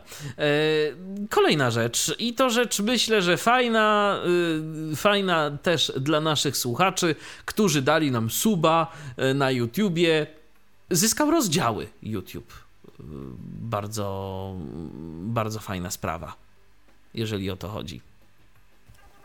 Tak, i widać, że wielu twórców już zaczyna tego jakoś używać. Nie wiem, czy świadomie, czy mniej świadomie, ale już y, u jednego z twórców, których oglądam częściej, widziałem, że filmik nawet trwał tak powiedzmy 12 minut, ale mimo wszystko miał sobie jakieś tam konkretne sekcje, y, miał rozdziały. I to jest rzeczywiście proste w dodaniu, bo to wystarczy w opisie filmu dodać po prostu znacznik czasu i jakiś jego podpis linijka pod linijką i to się samo przerabia na rozdziały. To jest super sprawa. My też z tego korzystamy i nawet chyba się teraz pojawił, bo kiedyś na początku to było jakoś tak, że to trzeba było klikać w te linki czasowe w opisie filmu, to coś tam, a teraz już się normalnie rozwija, fajna lista rozdziałów, można sobie wybrać na Androidzie, to działa e, i jest super. Oprócz tego jeszcze YouTube y, przynajmniej miał zyskać i gdzieś tam były jakieś takie informacje, ale nie wiem, czy to praktycznie już weszło. Yy, ścieżki dodatkowe. Dodatkowe ścieżki Tak, dźwiękowe. no na razie tylko ten jeden film się ukazał z tymi ścieżkami, e, czyli właśnie trailer Valhalla, e, a informacji jakichś deweloperskich bardziej nadal brak, więc no nie wiem, co tam Google z tym planuje, ale, ale coś się zaczęło w tym kierunku dziać. A teraz się przenosimy do stajni Mozilli, która to wypuszcza zbiór nagrań do e, trenowania silników rozpoznawania mowy. Czyli e, to Tomku, bo to ty wrzuciłeś e, tę notatkę, masz na myśli to, czym my się bawiliśmy swego czasu, czyli ten projekt Common Voice. Tak, mam rzeczywiście ten projekt na myśli. Oj, oj, oj, oj. E, dobrze, tak, mam ten projekt na myśli i ten projekt działa już od dłuższego czasu. To chyba kilka lat działa, tak mi się przynajmniej wydaje.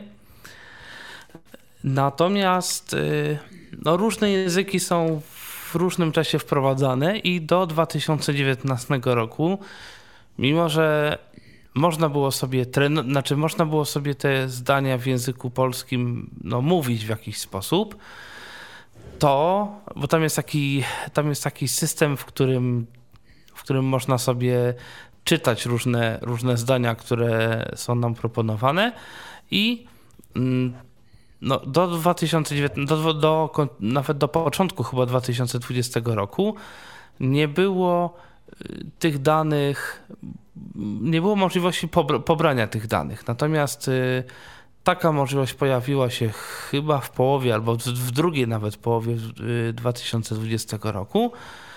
I tam jest chyba 100 godzin w tej chwili do pobrania takiego polskiego języka. Ja nawet próbowałem spróbować, bo jest nawet jakaś instrukcja, jak z tego polskiego języka zrobić model, który potem można załadować do takiego, no, bardzo prostego i w pewnym sensie takiego raczej demonstracyjnego programu, w którym można załadować jakiś plik dźwiękowy i próbować sobie rozpoznać e, ten, no rozpoznać sobie e, co tam w tym pliku jest y, wypowiedziane, że tak powiem. No i jest model do pobrania dla języka angielskiego, który zawiera, zdaje się, około 2000 godzin materiału. No to tak to działa. No gorzej od Google'a, na pewno gorzej od Google'a, ale no, no zaczyna to je mieć jakieś ręce i powiedzmy, że jakieś nogi. No, z polskim nie udało mi się tego modelu załadować jakkolwiek, bo to jest instrukcja raczej dla programistów, a ja programistą nie jestem, e, więc, więc nie udało mi się. Ale jeszcze będę próbował i może, może kiedyś mi się to uda i może będę mógł przedstawić jakieś rezultaty tego, co mi się udało zrobić. No i to oczywiście jest taka informacja, y, która mm, na razie nie ma żadnego i prawdopodobnie przez jeszcze dłuższy czas nie będzie miała żadnego takiego wydźwięku dla nas praktycznego, ale w przyszłości może y, być. To znaczy, to już zaczyna co? mieć jakiś e, wydźwięk, może nie polski język, ale angielski już tak, bo powstała wtyczka do Firefoxa. A tak, to prawda. Która umożliwia, mm, która umożliwia no, taką głosową nawigację po stronach, no, głosową obsługę tej przeglądarki Firefoxa. Więc to chyba kwestia czasu, jak no, żeby zaczęły powstawać różne rozwiązania. Tak, więc to po prostu kwestia, kwestia czasu. No i y, jeżeli tylko macie czas, to coś tam próbujcie dalej działać z Common Voice'em. Chociaż tam chyba ostatnio się jakiś problem z tekstami y, zrobił że nie ma Chyba nowych. Tak. Tam w ogóle jakieś śmieszne, znaczy śmieszne, może nie śmieszne, ale tam jakieś zawirowania wyszły, dlatego że mm, z tego co wiem, to ma powstać, czy miał powstać jakiś korpus zdań wydzielony z Wikipedii. To znaczy, że no tak. cała Wikipedia miała zostać przeparsowana przez coś. Miały zostać wyrzucone takie zdania, które nie bardzo mają sens. E, nie wiadomo, jak je przeczytać albo nie, zawiera, nie zawierające polskich, e, polskich e, zna, jakichś tam polskich słów, czegoś. Natomiast nie wiem, czy to doszło do skutku. Możliwe, że nie.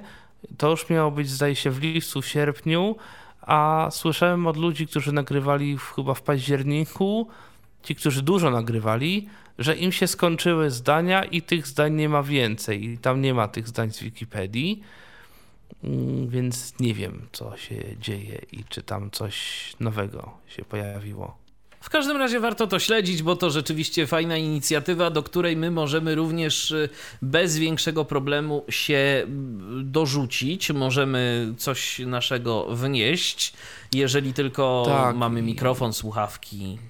I tu mówią też w, w Mozilli, to dla tych wszystkich ludzi, którzy mają generalnie problemy, może z mową, może z mikrofonem, nie czują się pewnie, mają może słaby sprzęt, to oni zwłaszcza takich ludzi potrzebują, bo nie sztuka jest yy, nagrać, nie wiem, profesjonalnym lektorem ileś godzin, książki, czegoś, Natomiast wtedy będzie algorytm rozpoznawał tylko profesjonalne nagrania. Natomiast im więcej będzie nagrań zróżnicowanych, z różnym akcentem, z różnymi problemami, czy sprzętowymi, czy z mową, y, ktoś, się, ktoś będzie mówił wolno, ktoś będzie jakoś tam seplenił i tak dalej, i tak dalej, to system również będzie się uczył no, tego typu wymowy. No i no właśnie, jeżeli przy 2,5 tysiącach godzin no ten system działa no tak, że no jeżeli po,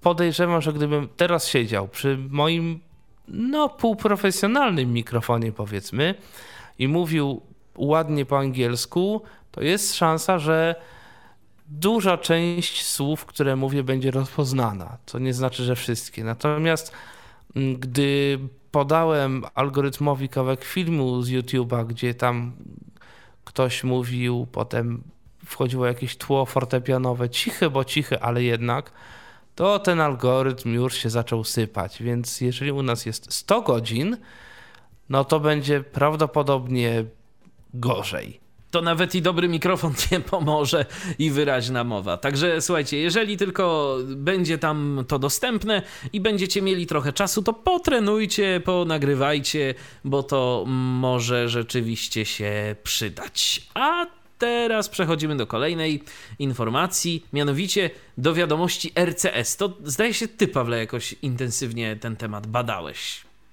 przy okazji tyflo y, przeglądów. Tak, ja to testowałem chwilę, no i powiem tak, działa. To jest to, co na pewno możemy powiedzieć, działa. Y, działa w, dla ludzi, którzy posiadają aplikację wiadomości Google. I tam już specjalnie nie jest istotne, jaka sieć, jakie co. To po prostu działa. Natomiast czy jest się czym fascynować? To znaczy, powiem tak, yy, chwilowo nie daje to za dużo jakiejś wielkiej przewagi nad komunikatorami, które są to potencjalnie mogłoby być dobre, gdyby ten standard został bardziej gdzieś zaadaptowany. Tam osoby, które teraz jakoś się zaniepokoiły tym, co robi WhatsApp, no to może będą miały w tym jakąś nadzieję. Natomiast samo wykonanie, jak chodzi o interfejs yy, w wiadomościach Google, chociażby wiadomości głosowych, no nie jest najbardziej intuicyjne na świecie, plus to, że ta jakość tych wiadomości jest też taka słaba, bo to jest jakość taka telefoniczna. No widać statusy, widać, że ktoś pisze, widać, że ktoś wiadomość dostarczona, różnego rodzaju załączniki można dołączać, więc to jest wszystko super. Natomiast nie widzę też, żeby wiele osób z tego korzystało niestety. To znaczy, jak nawet piszę tak sobie po prostu wiadomości, teraz była okazja się przyjrzeć przy okazji życzeń yy, świątecznych, parę osób się odezwało, no to nie widać w tym specjalnie, żeby ktoś używał, żeby komuś ten standard się albo jakoś włączył. Zdaje się, że on też nie jest jakoś specjalnie wymuszany nawet przez wiadomości Google, że on nie jest jakoś tam promowany specjalnie. Na początku coś tam wyskakiwało, ale to jest dość łatwo zignorować, przeoczyć i sobie tego po prostu nie załączyć. Albo nawet i też ludzie, jak nie wiedzą co, to a co no, tam no, będę klikał. z tego na razie nie jest. No tak, sobie. tak, więc no, poczekamy, może kiedyś coś z tego będzie i może rzeczywiście a jakby to się fajnie tak udało połączyć i iMessage i RCS i żeby to się dało jedno z drugim komunikować, to w ogóle byłoby super. Ale na to to raczej nie ma szans. Za to szanse są na bloga. Jeżeli ktoś ma ochotę mieć swojego własnego bloga, to oczywiście, no wiadomo, jest dużo miejsc w internecie, gdzie można sobie takiego bloga założyć, ale jeżeli ktoś chce sterować nim z poziomu aplikacji stworzonej z myślą o niewidomych, to też jest takie miejsce. Jest nim Elten. Elten dostał blogi na WordPressie, więc można powiedzieć, że no, na takim standardzie, takim standardzie, jeżeli chodzi o tak. platformę tak. blogową. No i cóż tam mamy na tych blogach? To znaczy tak, bo w ogóle e, zazwyczaj jest tak, bo było kilka, mam wrażenie, takich pomysłów na to, jak niewidomi może prowadzić bloga.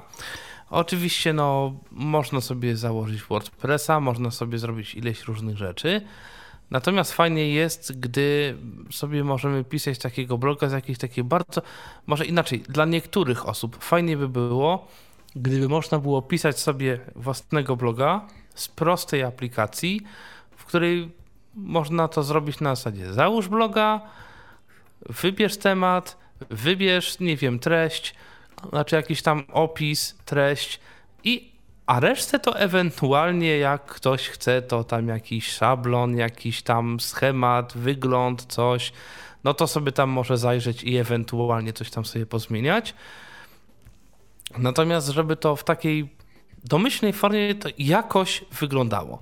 No i właśnie Elten, który no jest taką społecznościówką dla niewidomych, y, dostał takie blogi na WordPressie. Te, takie blogi, takiego bloga można sobie pisać. Mało tego, od y, wersji, która się pojawi, ma się pojawić 25 stycznia i ja na razie ten termin nie jest przesuwany, choć był.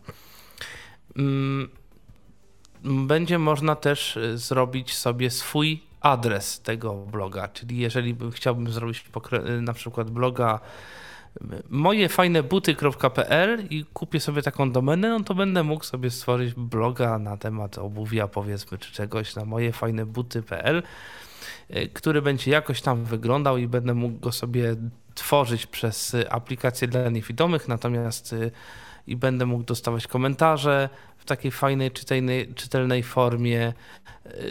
I to jest taki dość, dość przyjemny, mam wrażenie, sposób na prowadzenie takiego bloga.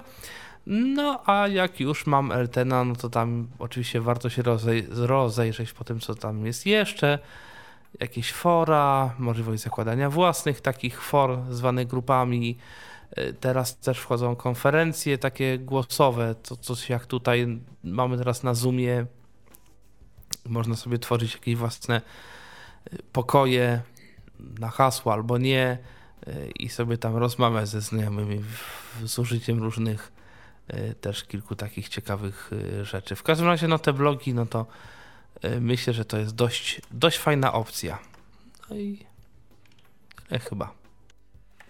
No to teraz sobie pogramy, bo no, tu by się nam przydał Tomek, Tworek, bo pewnie by miał nam bardzo, bardzo dużo do powiedzenia na ten temat, ale myślę, że i ty na przykład Mikołaju śledziłeś to dość mocno. Y, Paweł zresztą chyba też, y, jeżeli chodzi o te gry. No ja oglądałem parę mm, let's playów y, z The Last of Us, więc, więc też gdzieś tam mm, jakoś mniej więcej wiem jak to wygląda. A o co chodzi? Chodzi oczywiście o gry, o gry, które są grami mainstreamowymi, i które to są dla niewidomych no powiedzmy grywalne, tak, bo nie w 100% może dostępne, tam zdarzają się jakieś różne takie miejsca, w których y, pojawiają się problemy, ale faktycznie pograć sobie można. No i przykładem takiej gry, o której było bardzo, bardzo głośno kilka miesięcy temu, no to jest The Last of Us. Tak w ogóle zresztą mam wrażenie, że w 2020 roku wyszło więcej takich gier, e, które są tworzone jakby dla widzących i mają po prostu dostępność, bo, bo w sumie czemu nie, niż wcześniej. Nie wiem, czy to, czy to jest czymś podyktowane konkretnym, czy to jakoś tak po prostu wyszło, ale jest kilka takich gier. Zresztą na serwerze teamtalkowym teraz jest parę osób, które grają w, w coś, co nie pamiętam jak się nazywa. Play the Spire. Właśnie, tak. To taka karcianka tak, to też. Karcianka dla widzących, która... Wspomniałeś. Która jest. Tak, jest, jest coś takiego. Yy, tak, I, i, i mam wrażenie, że dużo jest też audiogier, ale takich większych producentów, którzy się już starają na platformy mobilne wyjść tak wieloplatformowo. Yy, tak jakby chociażby te e, e Western Drama. E West, Western Drama, tak to się nazywa? Tak, jest taka gra nowa. Chyba teraz. tak i tam coś teraz było, że poszukują beta testerów chyba. Du dużo w ogóle teraz jakichś takich studiów niezależnych na y, smartfony jakieś gry wypuszcza audio i, i o nich informuje. Natomiast y, tak, to jest przede wszystkim duży news, no bo cała gra z tak dużą ilością opcji dostępności y, i, i to, że rzeczywiście sporo osób się przyłączyło do let's playów, E, poprawki w Twitchu, które jakieś też weszły w ciągu tego ostatniego roku, PlayStation 5, które wprowadziło dostępność, e, coś się zaczyna dziać z Battle.netem e, Blizzarda, Ubisoft też czymś się chwali, że coś tam będą chcieli robić, więc to się zaczyna dziać. I to się zaczyna dziać rzeczywiście ciekawie. No chociażby to, że Assassin's Creed właśnie jakkolwiek wyszedł z czymkolwiek i nawet tym opisanym wideo, mm, no ciekawa może być przyszłość gamingu, jeśli chodzi o dostępność. No i to jest też fajne, że będzie można sobie grać, e, zwłaszcza jeżeli dojdzie do tego, że kiedyś tam w końcu zaczną te gry sieciowe być też e, jakoś tak udostępniane. E, też kiedyś już, już rozmawialiśmy, czy to aby na pewno były, byłoby dobre w kwestii możliwe. równości szans i możliwe. Jak to, jak to w ogóle... Jak to zrobić? Jak to ja zrobić? tak. Na przykład słyszałem a propos The Last of Us taki komentarz, że jakby, no, że to jest grywalne. Że to jest grywalne i że to się da, ale że my nie do końca wiemy jakby, może nawet nie, może nawet nie co tam się dzieje, tylko dlaczego. Że to jest poniekąd tak, jak my byśmy szli sobie, oczywiście to jest komentarz, ja tylko tytuję, ja sam nie grałem i nie mam, nie mam takiej gdzieś tam możliwości zweryfikować tego, że to jest podobno tak, jakbyśmy my sobie szli przez, nie wiem, jakieś powiedzmy muzeum, ale na zasadzie, że my idziemy, trzymając się po prostu ramienia przewodnika i przewodnik idzie, my słyszymy, wiemy co się dzieje, ktoś nam opowiada i wszystko jest fajnie, ale jakby my, my nie wiemy, co my mijamy, gdzie my jesteśmy. Dobra, teraz idź w prawo, ale dlaczego my mamy teraz iść w prawo? Co jest w prawo? A co jest, jakbyśmy w lewo poszli? I, I, że, to, że to czasami jest po prostu idź, zrób, kliknij tutaj, weź, zabierz, idź, a nie tak jak to na przykład czasami bywa. A czasem bywa też tak, że mamy za mało informacji. Ja pamiętam, bo y, tak jak mówię, ja trochę słuchałem e, na Twitchu e, tych e, let's playów, które robił Tomek. One zdaje się tam są zarchiwizowane, więc możecie sobie zerknąć na Twitcha Tomka Tworka. Y, I tam na przykład była taka sytuacja przy jakiejś bramie, w której coś trzeba było uruchomić. I tam Tomek naprawdę miał dość duży problem, żeby w ogóle się zorientować, co on tam tak naprawdę musi zrobić, żeby ten mechanizm zadziałał nie miał jakiejś takiej konkretnej informacji, co z czym, jak w ogóle, jak to zrobić, żeby to ruszyło.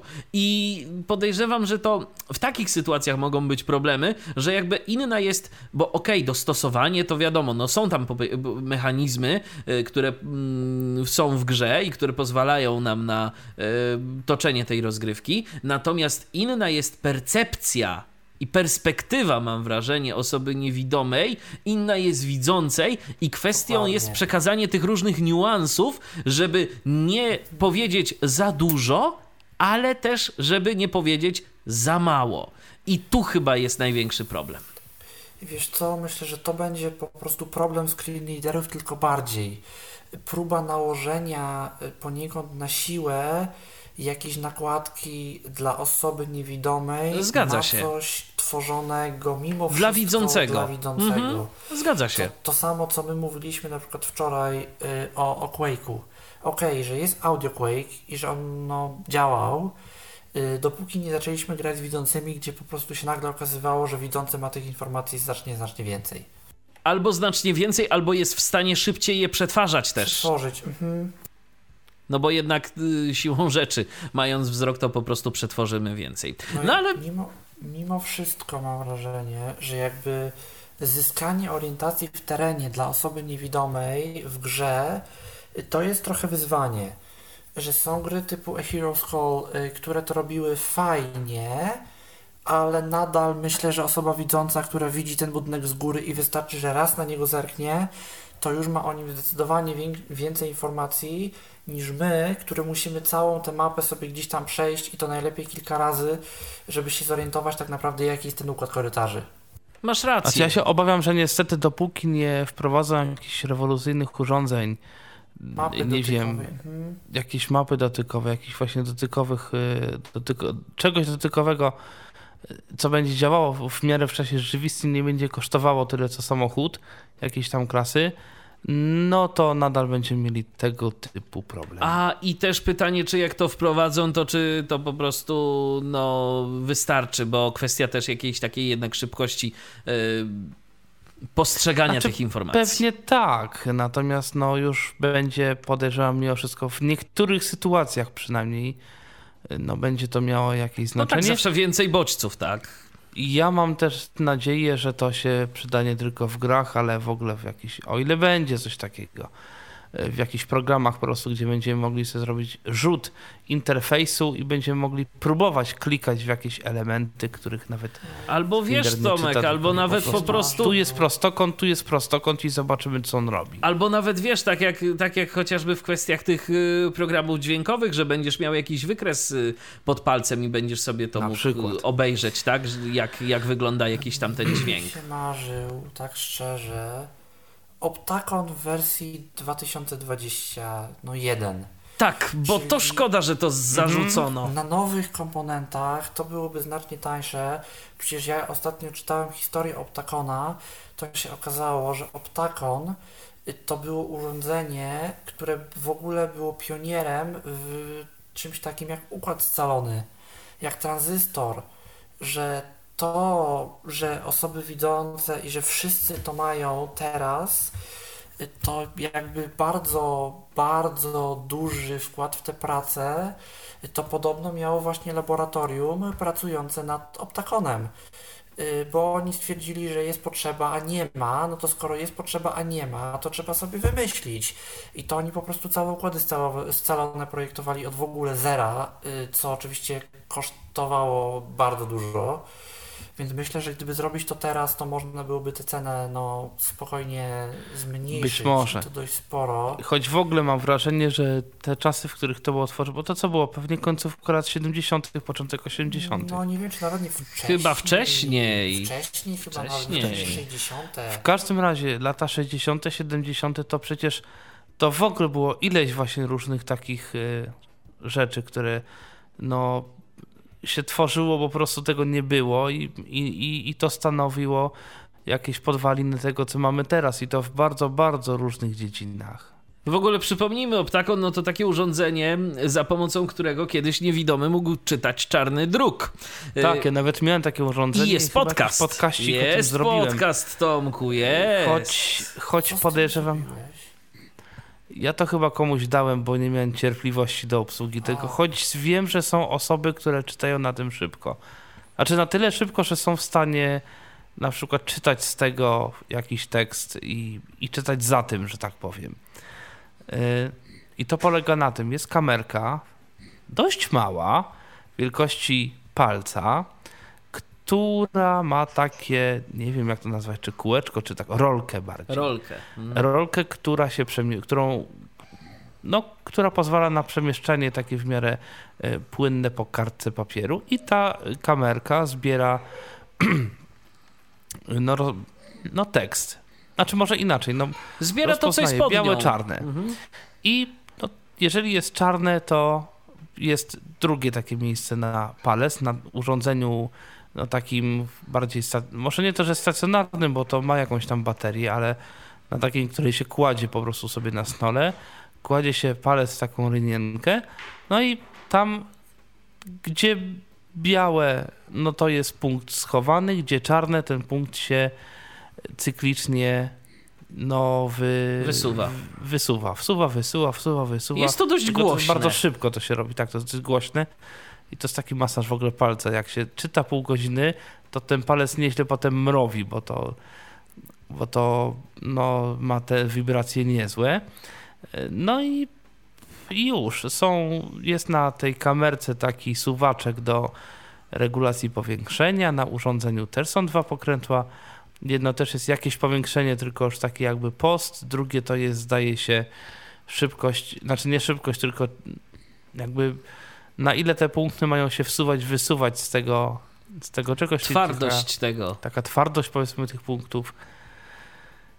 I no i już. I to z wielkości damskiej torebki. To ma dos, w ogóle jest takie dość potężne w pewnym sensie. Znaczy to samo w sobie y, jest w takiej jakby skórze, że to można sobie wziąć jak teczkę, y, schować do takiej większej teczki, to można przenosić i rzeczywiście to raczej nie ma prawa, żeby cokolwiek się z tym stało. Y, No i, no i to już, no i już. A jak no i, chcecie posłuchać, jak to brzęczy, to sobie włączcie podcast. Tak, jeden z podcast, pierwszych bo tam brzęczy. Bo tam brzęczy 12 lat temu. Tak, 12 lat temu. 13 prawie. Prawie 3 no, Oj. rzeczywiście. Już tyle lat. leci. tak jest. No to dobrze, to teraz Emma. Emma iPhone'owa, czyli coś, o czym było głośno yy, przez chwilę. Yy, przez chwilę, jak jeszcze był iOS 13. Bo to tak jakoś właśnie wyszło. mm, To zestaw Emma to zestaw skrótów mm, robionych przez y, czeskiego radiowca. On jest jakimś inżynierem pracującym w jednej z tamtejszych stacji radiowych. Y, No i zestaw skrótów, które to miały uczynić y, z iPhone'a urządzenie, które będzie wyposażone w Siri. Siri czeską, słowacką, polską, bo to tłumaczenie było robione Emmy też na język polski. Y, Tam bardzo mocno się Jaromir Kop y, zaangażował, y, który też swego czasu był naszym gościem w Tyflo podcaście na żywo. No i też węgierska wersja powstała. Emmy. Yy, I przez chwilę rzeczywiście było o tym głośno, jakoś tak w wakacje, Yy, no ale yy, instalacja tego by, też wcale nie była prosta, bo tam się trzeba było naklikać, naklikać, oj naklikać. Te skróty to było kilkanaście tych skrótów, to wszystko trzeba było poinstalować, po, wyrażać te zgody. Podcast z Emmą, z instalacją Emmy jest, możecie sobie posłuchać, to ponad dwie godziny tam z Piotrkiem Malickim to pokazujemy. No i cóż, yy, przyszedł nowy iOS, iOS 14 i się nagle okazało, że ta Emma to tak jakoś gorzej działa, zaczyna się mulić, nie wszystko działa tak, jak działało wcześniej. No po prostu efekt był tego taki, że Apple coś tam pomieszało w aplikacji skróty i z racji tego, że Emma to są naprawdę potężne skróty, to są bardzo duże skróty, no to pewne rzeczy przestały tam działać. Zaczęły działać inaczej. I ja powiem szczerze, ja nie pamiętam, kiedy ostatnio próbowałem korzystać z Emmy. Nie to, żebym na samym początku jakoś bardzo intensywnie z niej korzystał. Budzik to się fajnie nastawiało mm, z użyciem Emmy i rzeczywiście to, to, to fajnie i tam parę jeszcze innych takich rzeczy, ale jakoś nigdy y, no, nie, nie używałem tego tak bardzo, bardzo, bardzo intensywnie. Natomiast no fakt faktem, że teraz, kiedy mamy już nowego iOS-a, to po prostu używać się tego chce jeszcze mniej. Eee, a teraz co? Teraz DZDN, bo tu zmiany. Zmiany, zmiany, zmiany. Znaki Duże wodne. zmiany. Znaki wodne przede wszystkim, ale nie tylko. Znaki wodne, ale nie tylko, ale to wszystko, znaczy to część z tego, co się zmieniło, to jest konsekwencja tych znaków wodnych. No bo y, no, jest problem. Mamy książki dla niewidomych. Te książki dla niewidomych u nas w Polsce są w formacie MP3. Więc teoretycznie nic nie stoi na przeszkodzie, żeby, żeby sobie wypożyczyć ileś tych książek i wystawić je do internetu. No bo w sumie czemu nie? Znaczy, oczywiście to jest nielegalne, no ale co nam zrobią? Technicznie jest jakby było przynajmniej Było, bardzo tak, proste. oczywiście było. Oczywiście, no To się oczywiście działo, bo jak ktoś dobrze poszukał, to znalazł. W To znalazł w różnych internecie. miejscach. Nawet na YouTubie są książki przecież, y, Dokładnie. które jak, jak się wpisze, to początek jest nagrano w zakładzie wydawnictw i nagrań Nagrań Polskiego Związku Niewidomych w Warszawie. Warszawie. w roku jeszcze którymś tam, jak to jest stara książka. No i oczywiście DZDN o tym wiedział, kilka innych bibliotek o tym wiedziało, no i generalnie był problem. No bo z jednej strony, no fajnie by było mieć książki dla niewidomych, z drugiej strony, no kto będzie chciał, żeby te książki wyciekały? No w sumie to nikt. Więc to, co było w PZN, to było. No i w pewnym momencie wpadli państwo na fajny pomysł, żeby zastosować tak zwane znaki wodne. Znaki wodne, czyli malutkie modyfikacje każdego pliku MP3, takie, które no nie zmieniają za bardzo, przynajmniej nie zmieniają jakości odbioru.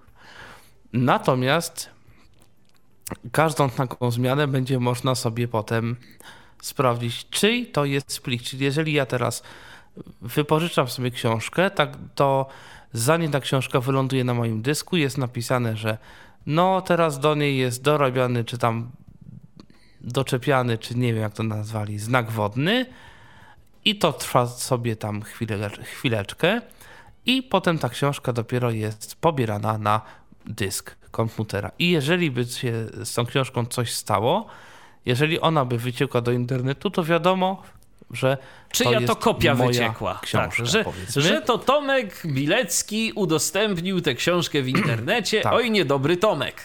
Tak jest. Można to w tym momencie prawnie postąpić i znaleźć bez problemu człowieka. I mógłbym zrobić y, podcast, co by, jak to jest w więzieniu dla niewidomych. W każdym razie. Myślę, że może nie aż tak, ale jakiś reportaż z sali sądowej to podejrzewam, żebyś zrobił. Zapewne. Y, W każdym razie, y, w związku z tym, no, zrobiło się o tyle dobrze, że no, skoro wiadomo, że można w razie czego złapać tego, kto udostępnia książki, no to, to jakby można, można już zaufać, że te książki raczej w internecie się nie będą pojawiać, no bo, bo to nagle się okazuje, że wiadomo to czyje to. I w związku z tym DZDN dostał ile? Tysiąc nowych książek, e, które wcześniej były w formacie czytaka. Czy, czy format czytaka jest generalnie zaszyfrowany, e, w związku z czym może być tworzony tylko na czytaku. E, Natomiast y, no, w tym momencie, gdy ten, te, te MP3 stały się bezpieczniejsze, no to te książki rzeczywiście mogły trafić do DZDN-u. Tak, i to były te książki ze stowarzyszenia Larix, jak Larix, dobrze tak. pamiętam. I swoją drogą też y, zmieniły się trochę zasady wypożyczeń. Teraz już nie ma czegoś takiego, że można wypożyczać mm, trzy, tam 2 czy 3 giga, już nie pamiętam, tylko można wypożyczać chyba 20 tytułów y, książek. Niezależnie od rozmiaru, znaczy prawie niezależnie od rozmiaru. Z tego co pamiętam, jeżeli to są naprawdę malutkie książki, to tych tytułów może być chyba więcej trochę. E, Nie pamiętam dokładnie tych wszystkich rzeczy. Natomiast to się zmieniło właśnie w 2020 roku. Mm, I no i zobaczymy, co będzie dalej. Amazon miał wejść do Polski. I co? A żeby to raz. Na razie wszedł, raz. na razie wszedł yy, robiąc z nas y, tanią siłę roboczą. Tak. I ale to już nie w tamtym roku. No nie. Ale w tamtym roku mówiło Miał się, wejść. że przed Z świętami... Pocztą Polską miał jakieś tam umowy mieć. Tak, znaczy podejrzewam, że ma. No teraz, nawet teraz, w 2021, chociaż chyba to jeszcze była końcówka 2020, że tam ja, jakieś testy mają być, bo y, Polaków, bo może planują y, tego swojego asystenta po polsku zrobić i oczywiście kolejna. Y, To trochę tak jak z Nokią. Nokia też. Teraz czekam, zresztą nie tylko ja, na Nokia 7.3 i 6.3. Y, Miała się pojawić w połowie tamtego roku, potem we wrześniu, potem do końca tamtego roku, potem na początku stycznia, mamy połowę stycznia. I zobaczymy, jaka będzie następna informacja. I to, to podobnie trochę z na- Amazonem. Czyli czekamy na Nokię, Amazona i na polską Siri. I na polską Siri. I na polską Siri, tak jest. No i Ale jak na razie to tylko ostatnio było słychać e, na temat jakichś związków zawodowych i protestów tam w, pod magazynami Amazona, że po prostu, że wyzysk. I tyle. Cóż. E, Natomiast e, a propos różnych zagranicznych firm, które to są obecne w Polsce i z których usług e, korzystamy, no to ostatnio głośno się zrobiło i zaczęli ludzie likwidować sobie konta na PayPalu, bo oto okazało się, że mm, oni mają zamiar wprowadzić opłaty. Jeżeli nie będziemy korzystać z ich usług, tylko będziemy tam mieć konto, będziemy mieć jakieś pieniądze, a nie będziemy generować żadnych obrotów. Tak. Ponoć PayPal nie ma, znaczy jakby nie przynosi zysków, no i trzeba było znaleźć coś takiego, żeby jednakowoż te zyski przynosił. No i wpadli na właśnie taki pomysł. Mamy też w Tyflo Przeglądzie, nie pamiętam której audycji na ten temat, słów kilka. Mamy też, zdaje się, linka, chociaż nie, nie jestem pewien, który prowadzi do artykułu, który to opisuje. Natomiast, y, natomiast podejrzewam teraz tych artykułów jest dość sporo na ten temat, y, zwłaszcza w tych, kiedy już te emocje opadły i mm, zaczęto rzeczywiście dokładnie opisywać, kiedy te opłaty będą, y, kiedy ich nie będzie. Jakieś tak dalej, 50 i tak zł to miały być te opłaty chyba, nie? Tak, Coś chyba koło około tego. 50 zł. No tak. No i podobno parę osób opuściło PayPala. Z drugiej strony nie jest to takie proste i takie łatwe, dlatego że jednak no to jest taki system, który jest najbardziej popularny Dokładnie. na świecie. Jeżeli, Jeżeli ktoś, o... jeżeli ktoś robi zakupy za granicą, to tak naprawdę i nie chce wszędzie podawać e, danych swojej karty płatniczej, a chce na przykład e, korzystać z jakiegoś takiego zaufanego procesora płatności, no to tak naprawdę PayPal jest e, najbardziej uznanym takim międzynarodowym procesorem i z tego rzeczywiście wiele, wiele różnych sklepów korzysta. Także podejrzewam, że to tam było tak, że jeżeli my chyba nie korzystamy przez 12 miesięcy, to oni nam wtedy tę opłatę pobierają, więc tak naprawdę, no jeżeli my nie korzystamy, to możemy sobie to konto zamknąć, a jeżeli my korzystamy, to też ich chyba, jeżeli Ich- się nie mylę, ich raczej nie będzie. Mhm. tak mi się przynajmniej wydaje. No ja na razie nie dostałem żadnej opłaty z tego tytułu. Ja też nie, ale no ja akurat z PayPala, z Skutkiem. PayPala korzystam regularnie, chociażby wysyłam tam co miesiąc do Australii małą sumkę, żeby, A widzisz. żeby NVDA, NVDA. wspomóc. Tak, niech chłopaki mają i niech działają. To tak swoją drogą polecamy wszystkim, jeżeli byście się Tak. zastanawiali, co zrobić, żeby tych, tych 50 zł nie stracić, to może Dokładnie. te 50 zł na NVDA. Komentary można też kupić na rok. Albo O, komentary na rok. No, no zawsze jakaś, widzicie, ile, jakiś ile pożytek. jest metod, ile jest możliwości, a przy okazji e, zrobicie jakiś dobry uczynek albo nabędziecie sobie fajny program e, na wasz telefon komórkowy, także no jest, jest ileś opcji. No właśnie, a propos e, telefonów komórkowych, no to nadajników nam ubędzie, szczególnie tych starych, bo powoli zaczynają być wyłączane 2G i 3G. Tak, o tym. Mikołaj nam jakiś czas temu mówił i że to będzie, no i to się dzieje. Y, Bo sieci powoli wyłączają nadajniki 2G i 3G, co oznacza, że telefony symbianowe, na przykład stare, jakieś androidowe, starsze, lekko, jakieś z klawiaturą telefony. Obawiam się, że no wcześniej czy później niestety, ale będą musiały ulec wymianie na urządzenia nowsze, które potrafią korzystać z LTE i to w LTE zarówno do internetu. I to jakby nie ma większych problemów, bo niemal wszystko teraz to rzeczywiście muszą być telefony starsze, ale będą prawdopodobnie musiały również obsługiwać e, dzwonienie po LTE albo po Wi-Fi, a to już jest trochę gorsza sprawa, bo to już rzeczywiście raczej te nowsze telefony to wykorzystują. Co prawda, no chyba teraz, nie wiem, mam nadzieję, że wszystkie nowe telefony z tego korzystają, znaczy to już umieją. Na pewno umie to moja Nokia 4.2, która jest telefonem bardzo tanim, ale na przykład starsze iPhony tego nie umieją. Jeżeli ktoś ma jeszcze iPhone'a na przykład, nie wiem, SE pierwszej generacji, albo jakąś piątkę, czwórkę, bo są takie osoby, szóstkę, no to za jakieś dwa lata może być problem z tymi sprzętami. Tak, y, no i z pewnością będzie problem y, dla tych wszystkich, bo y, dlaczego my o tym mówimy? Ano mówimy o tym dlatego, bo skądinąd mamy gdzieś jeszcze jakieś takie informacje i one się nawet czasem w internecie pojawiają, takie pytania, czy ktoś ma jeszcze do sprzedaży telefon z Symbianem? Bo ja chcę, bo ja chcę używać telefonu z klawiaturą, ja nie chcę Androida, ja nie chcę iOS-a, bo to jest trudne, bo ja się tego nie nauczę i w ogóle jestem na nie. No, No to i niestety. no to niestety, no to W sumie niestety, bo, bo przydałoby się coś takiego, Oczy- żebym no jest były Blind Shell, takie tak, telefony, powiedzmy. e, które, które są prostymi telefonami, ale są dostępnymi. Niestety tego nie ma. No już, tego nie ma. No, jest Blind Shell, ale on jest po prostu no, w porównaniu do takich rzeczywiście telefonów, które mogą sobie kupić osoby widzące, no jest drogi. To jest y, sprzęt dedykowany do osobom niewidomym i to ponad 1000 zł trzeba na to wydać. To, to nie są małe pieniądze, jak ktoś y, nie ma na to dofinansowania, a czasem i tak bywa. No i teraz przechodzimy do tematu, o którym pewnie będzie chciał Mikołaj powiedzieć sporo o nowych procesorach w Macach. Bo to też taka ważna rzecz. No tak, myślę, że to będzie rewolucja na rynku komputerów, bo mówiliśmy o tym właśnie, y, jak wychodziły Maki, jak była y, prezentacja nowych Maców. Mm, I się zastanawialiśmy, czy one będą y, tak szybkie, jak nam się wydaje, że będą.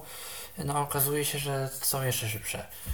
Y, że czasami MacBook Pro 2016 rok, y, no czyli ta powiedzmy poprzednia generacja, najlepszy jaki się tylko da, najwyższa półka, 20 tysięcy złotych, Intel Core i9, jakiś tam 32 GB RAMu, nie wiadomo jaki dysk.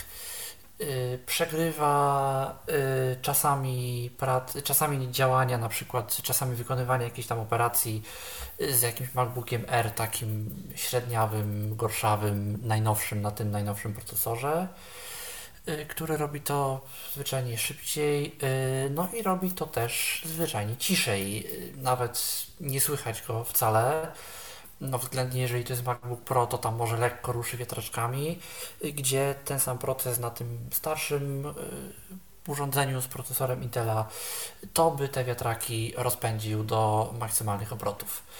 Y, dlaczego to jest dla nas ważne? Mm, bo ten procesor, poza tym, że jest procesorem, ma jeszcze w sobie parę innych rzeczy, y, w tym na przykład chip do sztucznej inteligencji, yy, który na przykład będzie mógł nam pomóc z wszelkiego rodzaju rozpoznawaniem obrazków, yy, mowy też, ale no dla nas najważniejsze są obrazki.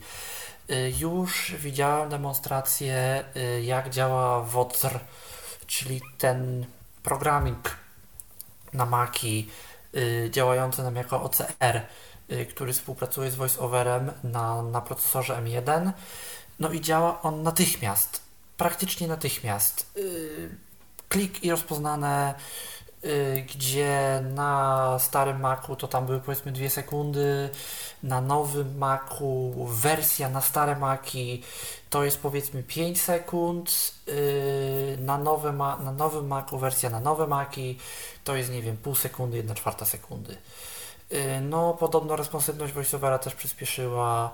No i no nie ukrywajmy, dla osoby niewidomej jednak responsywność i szybkość działania pracy komputera ma spore znaczenie, większe niż dla osoby widzącej, chociażby dlatego, że dla osoby widzącej ona sobie kliknie na stronę, ok, musi poczekać zanim się ta strona załaduje, ale jak już jej się ta strona na przykład załaduje, to ona sobie ją może czytać. Nieważne jaki ten komputer jest wolny i jak jej przymula, to ona sobie ją najczęściej może czytać, i czytać.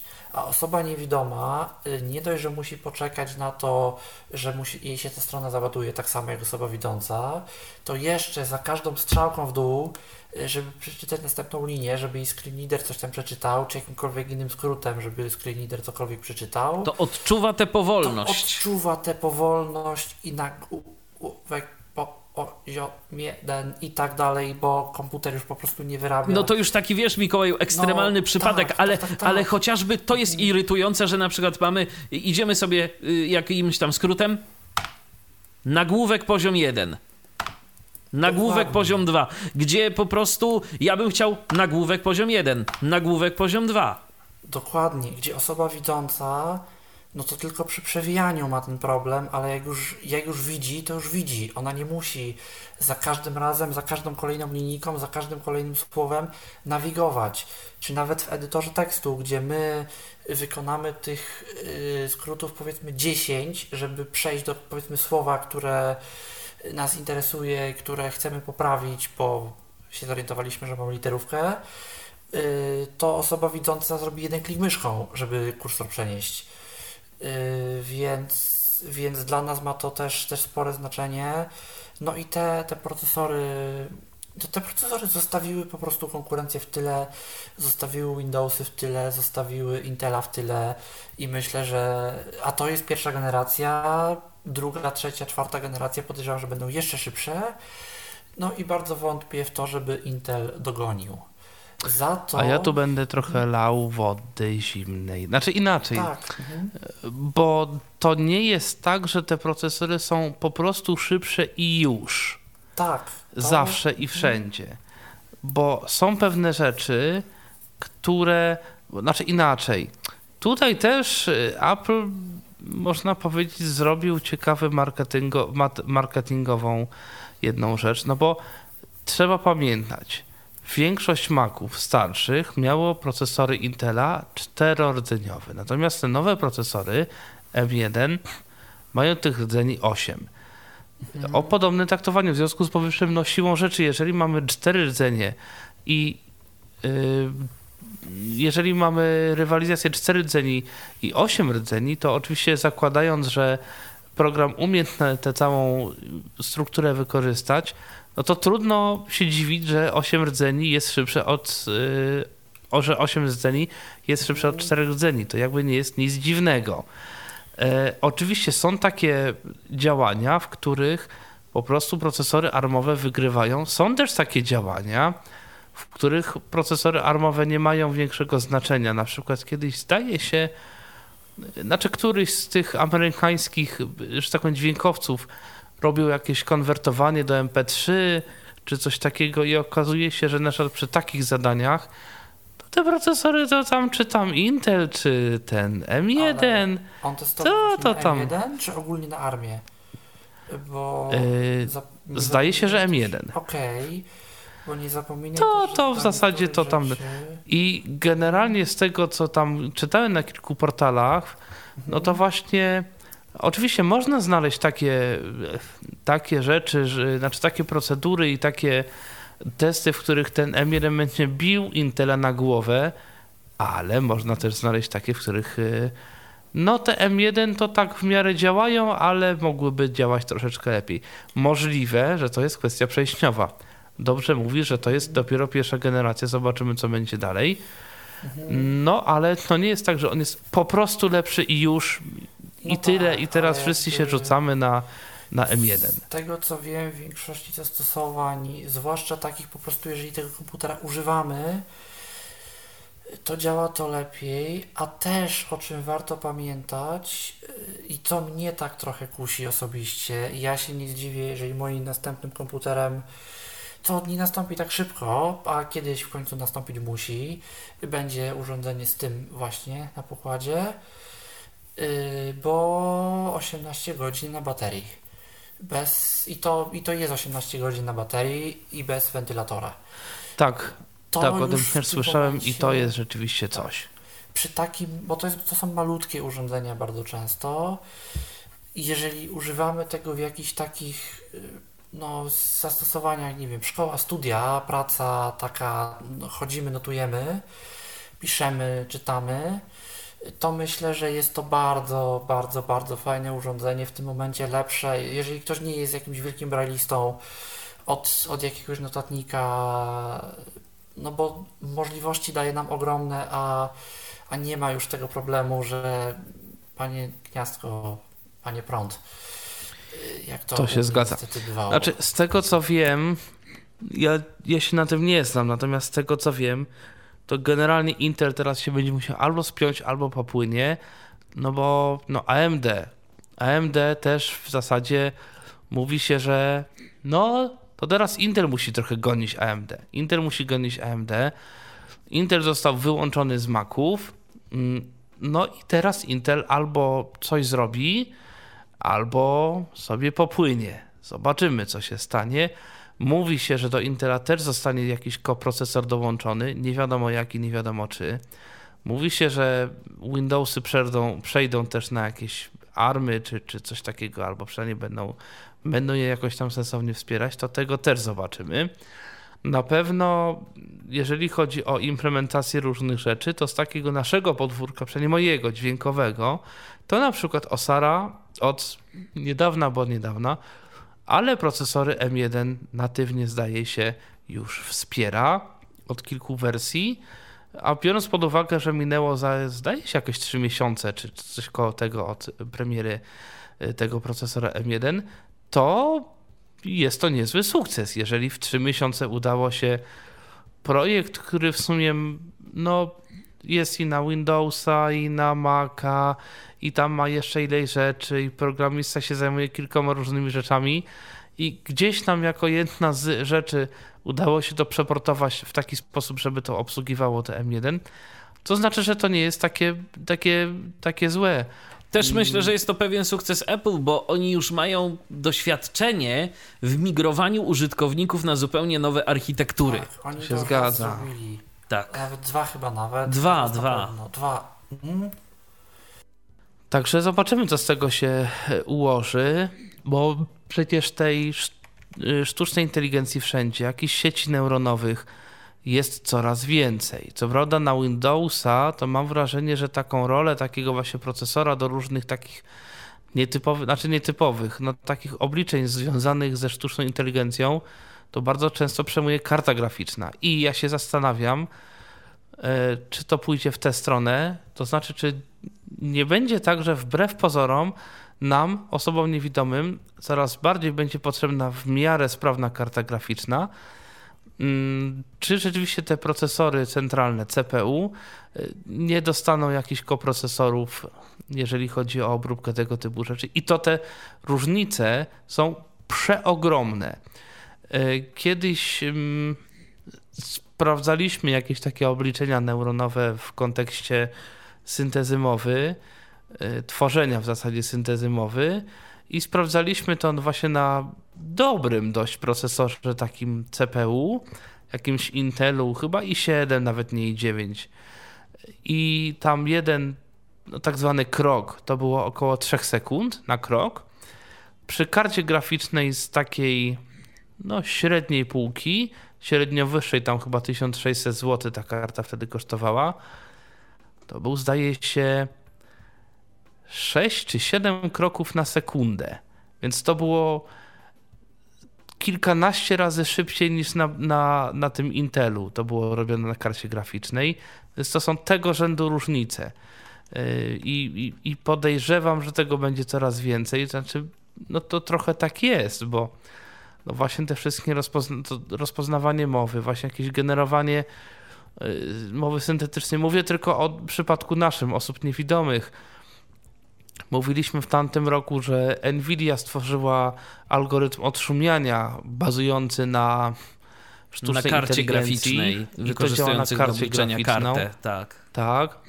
I tu też trzeba mieć jakąś kartę. U mnie to działa, ja mam kartę z raczej niższej półki. Jakby już tam ktoś się dobrał do tego i odpowiednio to zmodyfikował, zdaje się. Tak, bo to normalnie działało tylko na jakichś takich kartach topowych, ale to można było jakoś tam zmienić. Y, Do tego przecież ostatnio też wyszło to, y, do tego też wyszło to narzędzie, o którym mówiliśmy do wycinania na przykład wokali z utworów. Ono co prawda y, bazuje na CPU. Mm, Gdy testowałem ten, ten program do do tworzenia modeli te, głosu y, do, do tego projektu Mozilla, to oni tam też pisali, że w sumie jak masz kartę graficzną, to będzie dużo lepiej, bo na procesorze to będzie po prostu trwało dużo, dużo dłużej. No i ciekaw jestem, czy No. Intel właśnie zacznie stosować jakieś koprocesory do takich rzeczy. Tomku, żeby jeszcze też daleko nie szukać, to przecież e, kilka lat temu to już karty graficzne zaczęły być bardzo, bardzo intensywnie wykorzystywane i zresztą wtedy to nawet e, No tak. poszły ich ceny dość mocno Tak, w, górę, górę. bo przecież e, karty graficzne takim naprawdę jednym z pierwszych stres testów dla kart graficznych poza jakimś tam wyszukiwaniem obcych w, kosmosie e, to było kopanie kryptowalut.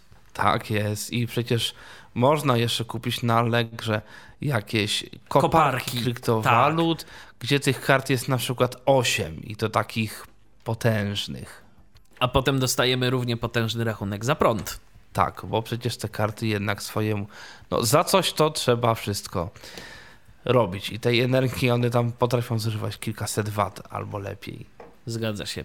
No i Ja słuchajcie, żałuję, że sobie takiego urządzenia nie załatwiłem jeszcze za czasów, jak w internacie byłem, bo ja już wiedziałem wtedy, że można takie rzeczy robić i że to ma sens, a tam wiadomo było, że jakby się podłączyło, to za prąd się nie płaciło. No to wiesz, to nie różnie, różnie było, różnie to potem bywało, to tak jak niektórzy administratorzy sobie, wiesz, w serwerowniach y, robili taką y, małą kopalnię, a potem jak się okazywało, że tak się trochę rachunki za prąd zaczęły powiększać, to później ktoś się zaczął interesować i to też różnie No się tam kończyło. Trzeba było biznes, wiadomo, zamknąć, No. ale jakby ile się zrobiło, tyle, Tyle się zrobiło, a, można, a, a tak. zwłaszcza na samym początku gdzieś tam No. tego kopania krypto. Dobrze, słuchajcie, bo to tak naprawdę przez nasze wszystkie notatki, które tu w większości Tomek y, w pocie czoła opracował. Y, I teraz jeszcze tak y, już tytułem dobijania do brzegu i podsumowania, bo wy do nas nie chcecie pisać dzisiaj. Tak jakoś się to złożyło, poza Łukaszem, e, który do nas napisał, to tak na razie cisza. Którego pozdrawiamy. Oczywiście, jak najbardziej. E, No to co, czy, czy jeszcze coś wam na koniec e, tego naszego dzisiejszego programu przychodzi do głowy, o czym warto by było wspomnieć, co takiego jeszcze było, mm, no co po prostu było fajne w zeszłym roku? Mm, Chyba więcej e-zakupów. Shopee tudzież Everly. Nie wiem, czy to się pojawiło w tamtym roku. Glovo też. Chyba Glovo i te usługi wszystkie. Impost przecież jak, jak zyskał. Te wszystkie usługi kurierskie, ale Impost chyba w szczególności, a przynajmniej o tym się mówiło bardzo dużo. Ile, ile to się narobiło. Mam wrażenie, że to jest coś takiego, o czym też warto Co powiedzieć. dla nas może być też y, fajną rzeczą, no bo powiedzmy sobie szczerze, okej, do y, supermarketu no zawsze się można gdzieś tam powiedzmy z kimś wybrać, jeżeli jest z kim, y, ale w sytuacji, kiedy jesteśmy zdani sami na siebie, no to market no jest gorszą opcją, tak, y, niż jakiś taki osiedlowy sklep. Y, A w osiedlowym sklepie może być albo drożej, albo mniejszy wybór y, i tak dalej. Albo jedno i drugie, to jest najczęstszą Też. chyba opcją. E, także, no, no tak. Fajnie, Ale że to- to się rozwija. Tak, fajnie, że to się rozwija i podejrzewam, że jak to się rozwinęło, to to będzie dalej gdzieś tam się rozwijać. Lidl przecież zyskał e-zakupy, co prawda na razie w jakiejś takiej formie pilotażowej, tam jakieś jeden czy dwa sklepy w Poznaniu, ale jest e, Mhm. online. E, No to właśnie Shopee, tudzież Everly, o którym też mówiliśmy w ostatnim Tyflo przeglądzie. Także no, no, pojawiło się kilka tych opcji i mam nadzieję, że będzie się pojawiać więcej. Bo to z reguły to trochę tak jest, że musi być jakiś próg, który to zostanie przekroczony i to potem samo idzie do To przodu, jest bo ten efekt kuli śnieżnej. tak, i to znajomi znajomemu i tak dalej powiedzą i po prostu to już zaczyna iść i to samo idzie i to już nie trzeba tego. W Stanach to bardzo na przykład już poszło, z tego co wiem. Tam te wszystkie dordasze, niedordasze, y, tych usług tam jest sporo yy, i ja na przykład gdzieś tam znam trochę niewidomych, to no na przykład znam osobę, która nie korzysta w tym momencie już praktycznie ze sklepu fizycznego.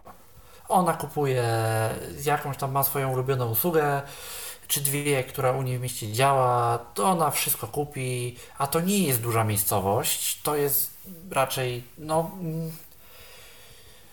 takie przedmieścia powiedzmy, gdzieś tam, ale daleko od centrum yy, i, to, i to tam działa całkiem fajnie. Zresztą tam No, to się no w za ogóle... takiego poziomu jeszcze troszkę, ale no mam nadzieję, że Tam to się z kolei zaczyna teraz cofać troszkę, bo tam to się inny, inny problem okazał, y, bo się okazało, że przynajmniej już w niektórych stanach zaczynają zakazywać y, tym platformom oferowania y, na tych platformach jakichś tam sklepów, restauracji, to bardziej o restauracje chodzi, ale sklepy też, y, bez zgody tych sklepów. Bo były rzeczy takie, że ludzie oferowali na przykład restauracje, ale no, ta platforma nie była za bardzo wydajna, nie działało to zbyt dobrze i na przykład ci nasi pomocnicy przychodzili do nas po 30 minutach od kupienia tego z restauracji, gdzie to w restauracji było przygotowywane z myślą o tym, że ty usiądziesz i zaraz zaczniesz to jeść. No I to po prostu było zimne. Tak, i oczywiście opinie były zawsze o restauracji, a nie o platformie. I na jakichś Google Mapsach i innych podobnych y, restauracje zaczęły dostawać y, na przykład jedno, dwugwiazdkowe opinie, tylko przez to, że y, trafiło się dwóch czy trzech ludzi z danej platformy, którzy zaczęli dostarczać te, z danego miejsca albo nie te produkty, które klient zamówił, albo zimne, albo nie wiem, rozpadła im się siatka i jakoś to próbowali z ziemi zbierać, ale i tak dalej, i tak dalej. Y, No i oczywiście wiadomo, że opinię to zawsze wypełnia tylko ten klient, który jest niezadowolony. No i efekty były jakie były. No i teraz właśnie y, są takie zmiany w niektórych miejscach wprowadzane, że żeby jakaś firma była w takiej platformie, y, to ta platforma musi, y, musi wy, ta firma, przepraszam, musi wyrazić zgodę na to, żeby ją na tej platformie umieścić. Ja się nie zdziwię, jeżeli Polskę prędzej czy później, raczej oczywiście później niż prędzej, też to czeka i będzie to jakieś takie no, cofnięcie się z tym, co już, co już gdzieś tam u nas wejdzie, do czego się przyzwyczaimy.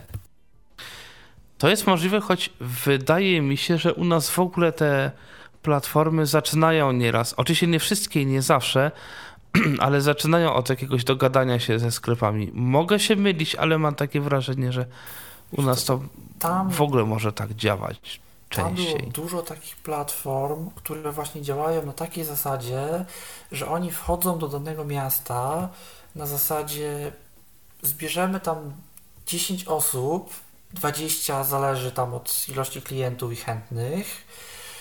Oni sobie przejrzą mapę w pobliżu, co jest, y, dodadzą to do katalogu, dodadzą y, wszystkie produkty jakieś najważniejsze, które tam można kupić. Względnie w ogóle my możemy wpisać, co jest i oni do nas zadzwonią, jeżeli to, co my podamy, nie jest dostępne. No i po prostu oni się w ten sposób mogą roz na cały kraj, bo powiedzmy w takim miasteczku 20-10 tysięcznym to 15, 20, 30, 100 osób, które będą chętne za odpowiednią opłatę, za odpowiednią opłatę coś takiego robić, to się znajdzie. I po prostu w sposób bardzo automatyczny, praktycznie bez ingerencji firmy, mogą zdobyć bardzo duży rynek. No i właśnie plus jest taki, że osobom niewidomym to bardzo pomaga, bo tak naprawdę w wielu miejscach mają dostęp i jest tego, mam wrażenie, więcej i jest to szerzej niż u nas. No ale z drugiej strony, zwłaszcza też, że tam jest więcej miast i więcej większych miejscowości, a mniej takich miasteczek jak u nas. A z drugiej strony, yy, no, są takie potem problemy i wchodzą. Oczywiście nie wszędzie, bo to jest na razie kilka stanów, ale, ale takie rzeczy, więc też nie ma co się do dobrego przyzwyczajać, bo to się może w pewnym sensie skończyć. No ale żeby No, się coś skończyło, to się jeszcze najpierw musi musiałoby zacząć. zacząć, a u nas na razie aż tak dobrze nie ma. No dobra, to słuchajcie, czy coś jeszcze? Pawle, ty może jeszcze coś byś dorzucił? Mm, Ja pisałem też troszkę o urządzeniach, które albo w tym roku wyszły, albo w tym roku ja się im przyjrzałem i myślę, że no jest ciekawy trend urządzeń noszonych dla osób niewidomych. Wyszły Envision Glasses, co jest takim pierwszym poważniejszym y, krokiem w stronę jakichś dostępnych smart okularów, które coś użytecznego dla osób całkowicie niewidomych będą robić. No z demówek brzmi to całkiem ok, to znaczy jasne, wymaga internetu, nie jest to idealne, natomiast y, no już coś się zaczyna dziać i rzeczywiście tam cały ten proces twórczy był fajnie przeanalizowany, że oni sobie po prostu wzięli Google Glassy, że tam wgrali Envision, że jak będzie jakiś nowy model y, okularów, to się tym też zainteresują, że cały czas patrzą i tak dalej. No FieldSpace, którego od niedawna też posiadam, bardzo fajne urządzenie, y, bardzo przydatne, rzeczywiście z tą nawigacją teraz to działa stabilnie. Ym, No i, i czy coś jeszcze takiego wyszło? No Aira się zwinęła niestety ze swoimi okularami, to szkoda. Się do 5 minut ograniczyła, co... No, Ale w była... ogóle? W ogóle, czy... Dziennie. W darmowej wersji. W darmo, tak, w, darmo, w darmowej wersji 5 A tak- minut dziennie. Tak było chyba zawsze, czy jak? Nie, Nie, było nie. 5 minut per call. Pe- tak. A per call, a o to chodzi, na okej. rozmowę. A teraz w ogóle. Tak, i to Mhm. potem, potem to oni nawet tak zrobili, że to było 5 minut na rozmowę, ale jeżeli się połączysz w ciągu minuty od rozłączenia, to on cię połączy z tym samym agentem, z którym rozmawiałeś przed chwilą. Więc to się w ogóle cudownie tego używało. Irytujące to to było czasami, ale ja jak miałem jakiś większy proces do zrobienia w jakimś BIOSie czy czymś, to bez problemu agent Airy zawsze był i zawsze pomógł. A teraz jakby ja to mam. Ja ostatnio tego na przykład użyłem, bo mi akurat była potrzebna, ale no to już jednak nie jest to. Ja oczywiście No to- rozumiem dlaczego, bo to musiało kiedyś No nastąpić. tak, no to jest biznes, tak? I, i tu trzeba by było po prostu to wykupić. Ot i wszystko. I Dokładnie. No, ewentualnie, no może kiedyś to już rozmawialiśmy o tym, może kiedyś to gdzieś tam do nas też wejdzie, ale to podejrzewam, ja że jeszcze tak pieśń przyszłości. Uświadomiłem, że my poniekąd to taką usługę jak Aira, nie wiem czy 24 na 7 i nie wiem czy w takim stopniu, ale na pewno jakąś, to tak naprawdę mieliśmy pierwsi. Bo nie wiem czy ktoś pamięta asystenta w CU, bo był przecież. Fakt, nikt z nas tego nie używał, bo ECU się kompletnie nie przyjęło, ale ja pamiętam, że były w tych ich broszurkach rekla- reklamowych, y, jak się kupiło ten telefon z pakietem operatorskim, bo przecież oni byli też operatorem y, komórkowym, jakieś takie minuty właśnie asystenta, minuty pomocy, y, gdzie mogliśmy zadzwonić i ktoś miał nam pomóc i że to też było tam do wywołania z tej, z tej komendy głosowej, bo to był taki telefon, gdzie się głosem nim sterowało. Dokładnie. I, I było coś takiego. Fakt, no nie przyjęło się to z wiadomych względów, ale, ale my byliśmy pierwsi. My byliśmy To się, nawet, to się nawet nie przyjęło na, na tyle, żeby z nami chcieli porozmawiać w Tyflo podcaście. A, aż tak. Tak, aż tak, przecież umawialiśmy rozmowę odnośnie CU Mobile, ale chyba ze dwa razy została przełożona, jak dobrze pamiętam, no i, no i tyle. I tyle z Potem tego wyszło. prezentacja była chyba tylko z tego co pamiętam. Mm. Jakaś. To Wojciech ma chyba. Tak, tak, tak, tak, tak, tak, tak, dokładnie, dokładnie to pokazywał. Więc to, no więc to tak to, tak to wyglądało. Yy, czy coś jeszcze, Pawle, ze sprzętów? Ze sprzętów nie, ale tak mi się sobie uświadomiłem, że dużo więcej chyba, przynajmniej my tutaj w Tyflo Przeglądzie mówiliśmy o Reddicie niż wcześniej. Trochę na pewno, trochę na pewno, no bo były, była okazja, bo klient się pojawił i na iOS-a, i na Windowsa. Tam ostatnio I na Androida. kontrowersje y, wokół tego klienta iOS-owego pojawiły, bo jakoś w okolicach świąt kilku użytkowników y, dystopii, y, zwłaszcza tych, na, którzy byli zalogowani na czacie, zaczęło dostawać od Reddita bany za spam. I były to także osoby, które nigdy w życiu na Reddicie nic nie napisały. Yy, Co się okazało? Chodziło podobno o to, że funkcja czatu w dystopii działa trochę jak funkcja Facebooka w Mirandzie. Czyli ona udaje przeglądarkę internetową i łączy się na stronę i tak naprawdę klika nam gdzieś na takiej niewidzialnej stronie. Co jest zachowaniem bardzo podobnym do wszelkiego rodzaju programów spamerskich. Nie korzysta to z oficjalnych interfejsów Reddita, bo oficjalne interfejsy Reddita nie wspierają czata.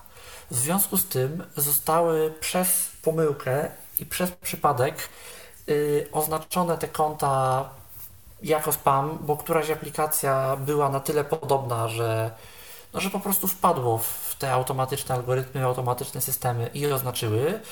Y, Kilku użytkowników zainterweniowało, pojawił się wątek, y, pojawił się wątek na Reddicie, pojawił się wątek na Hacker Newsie, y, którego ja zresztą gdzieś tam sam zainicjowałem, mimo że no, ofiarą nie padłem, ale temat algorytm banuje użytkowników niewidomych tylko przez to, że korzystają z klienta dla niewidomych jest tematem chodliwym, więc poszło. Yy, No i Reddit po kilku dniach, jak się przerwa gdzieś tam podejrzewam świąteczna skończyła, ludzie wrócili do pracy, zasiedli ludzie przed biurkami, a nie komputery i roboty, to ktoś poszedł po rozum do głowy i sytuacja została rozwiązana. No i tyle dobrego.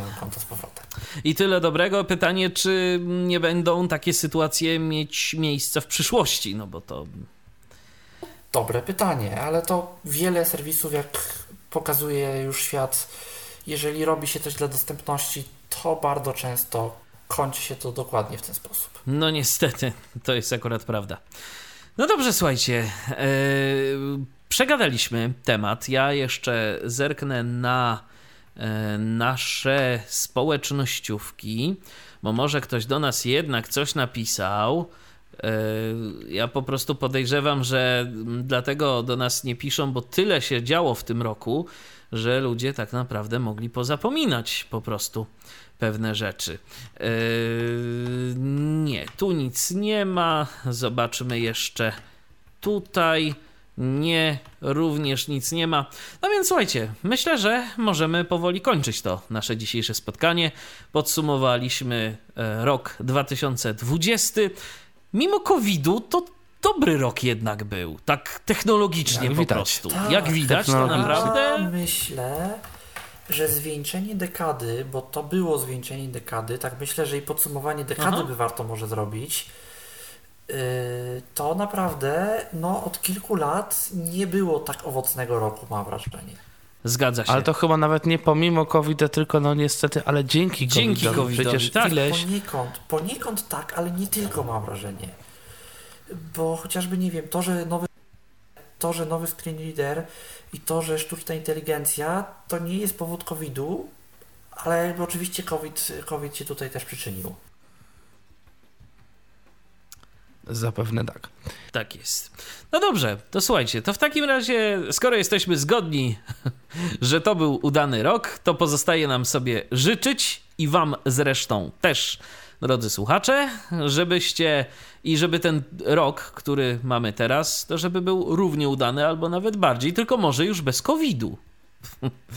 Tak żeby, jest, żeby, to nie był, żeby to nie był taki motor napędowy do wszelkiego rodzaju zmian, tylko po prostu. No ale niestety tak często jest No przecież tak. największe zmiany, no to wiadomo, albo wojna, albo jakaś zaraza. To Dokładnie. jest. Dokładnie.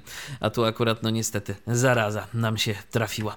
Eee, no, ale pozostaje mieć nadzieję, że jednak skoro już to koło zamachowe postępu technologicznego zostało wprawione w ruch, to że teraz już e, nie będzie nam potrzeba żadnych dodatkowych bodźców, a że pozytywne zmiany dalej w technologii dziać się będą. A to, e, co zostało zapoczątkowane, jak chociażby te różnego rodzaju spotkania zdalne, możliwość uczestniczenia w wydarzeniach e, na drugim końcu świata y, z poziomu własnego pokoju, to że to z nami zostanie, mimo tego, y, że będzie się można spotykać i że zostaną te wszelkie restrykcje za czas tam jakiś zdjęte. I no mimo te, i żeby po prostu był wybór, tak, żeby kto chce to i kto może, bo to też wiadomo, że nie każdy może po prostu. Y, Kto chce, niech tam się spotka jak najbardziej, bo to niczego nie zastąpi oczywiście, to wiadomo, ale kto nie ma takich możliwości, to żeby mógł sobie wejść na tego Zooma przysłowiowego, czy jakieś tam inne Teamsy, Google Meeta, albo jeszcze cokolwiek innego, no i po prostu yy, korzystać z tego, co oferuje nam mm, współczesna technologia, a jest tego naprawdę sporo. I myślę, że tym optymistycznym akcentem możemy zakończyć to nasze dzisiejsze spotkanie na antenie Tyfloradia. Yy, Mieliśmy się spotkać jeszcze jutro yy, z Krzysztofem Bruzdą i miał opowiedzieć o kolejnym interesującym urządzeniu pozwalającym na oglądanie telewizji, no ale niestety z Krzysztofem się nie spotkamy z przyczyn od nas niezależnych, ale co się odwlecze, to się, to, to nie uciecze. Yy, Bardzo dziękuję za udział w audycji dzisiejszym współprowadzącym. Byli nimi Tomasz Bilecki, Paweł Masarczyk i Dzięki Mikołaj również. Hołysz. Dziękuję. Do usłyszenia. I ja również dziękuję za uwagę. Michał Dziwisz, kłaniam się do następnego spotkania na antenie Tyfloradia. Był to Tyflo Podcast. Pierwszy polski podcast dla niewidomych i słabowidzących. Program współfinansowany ze środków Państwowego Funduszu Rehabilitacji Osób Niepełnosprawnych.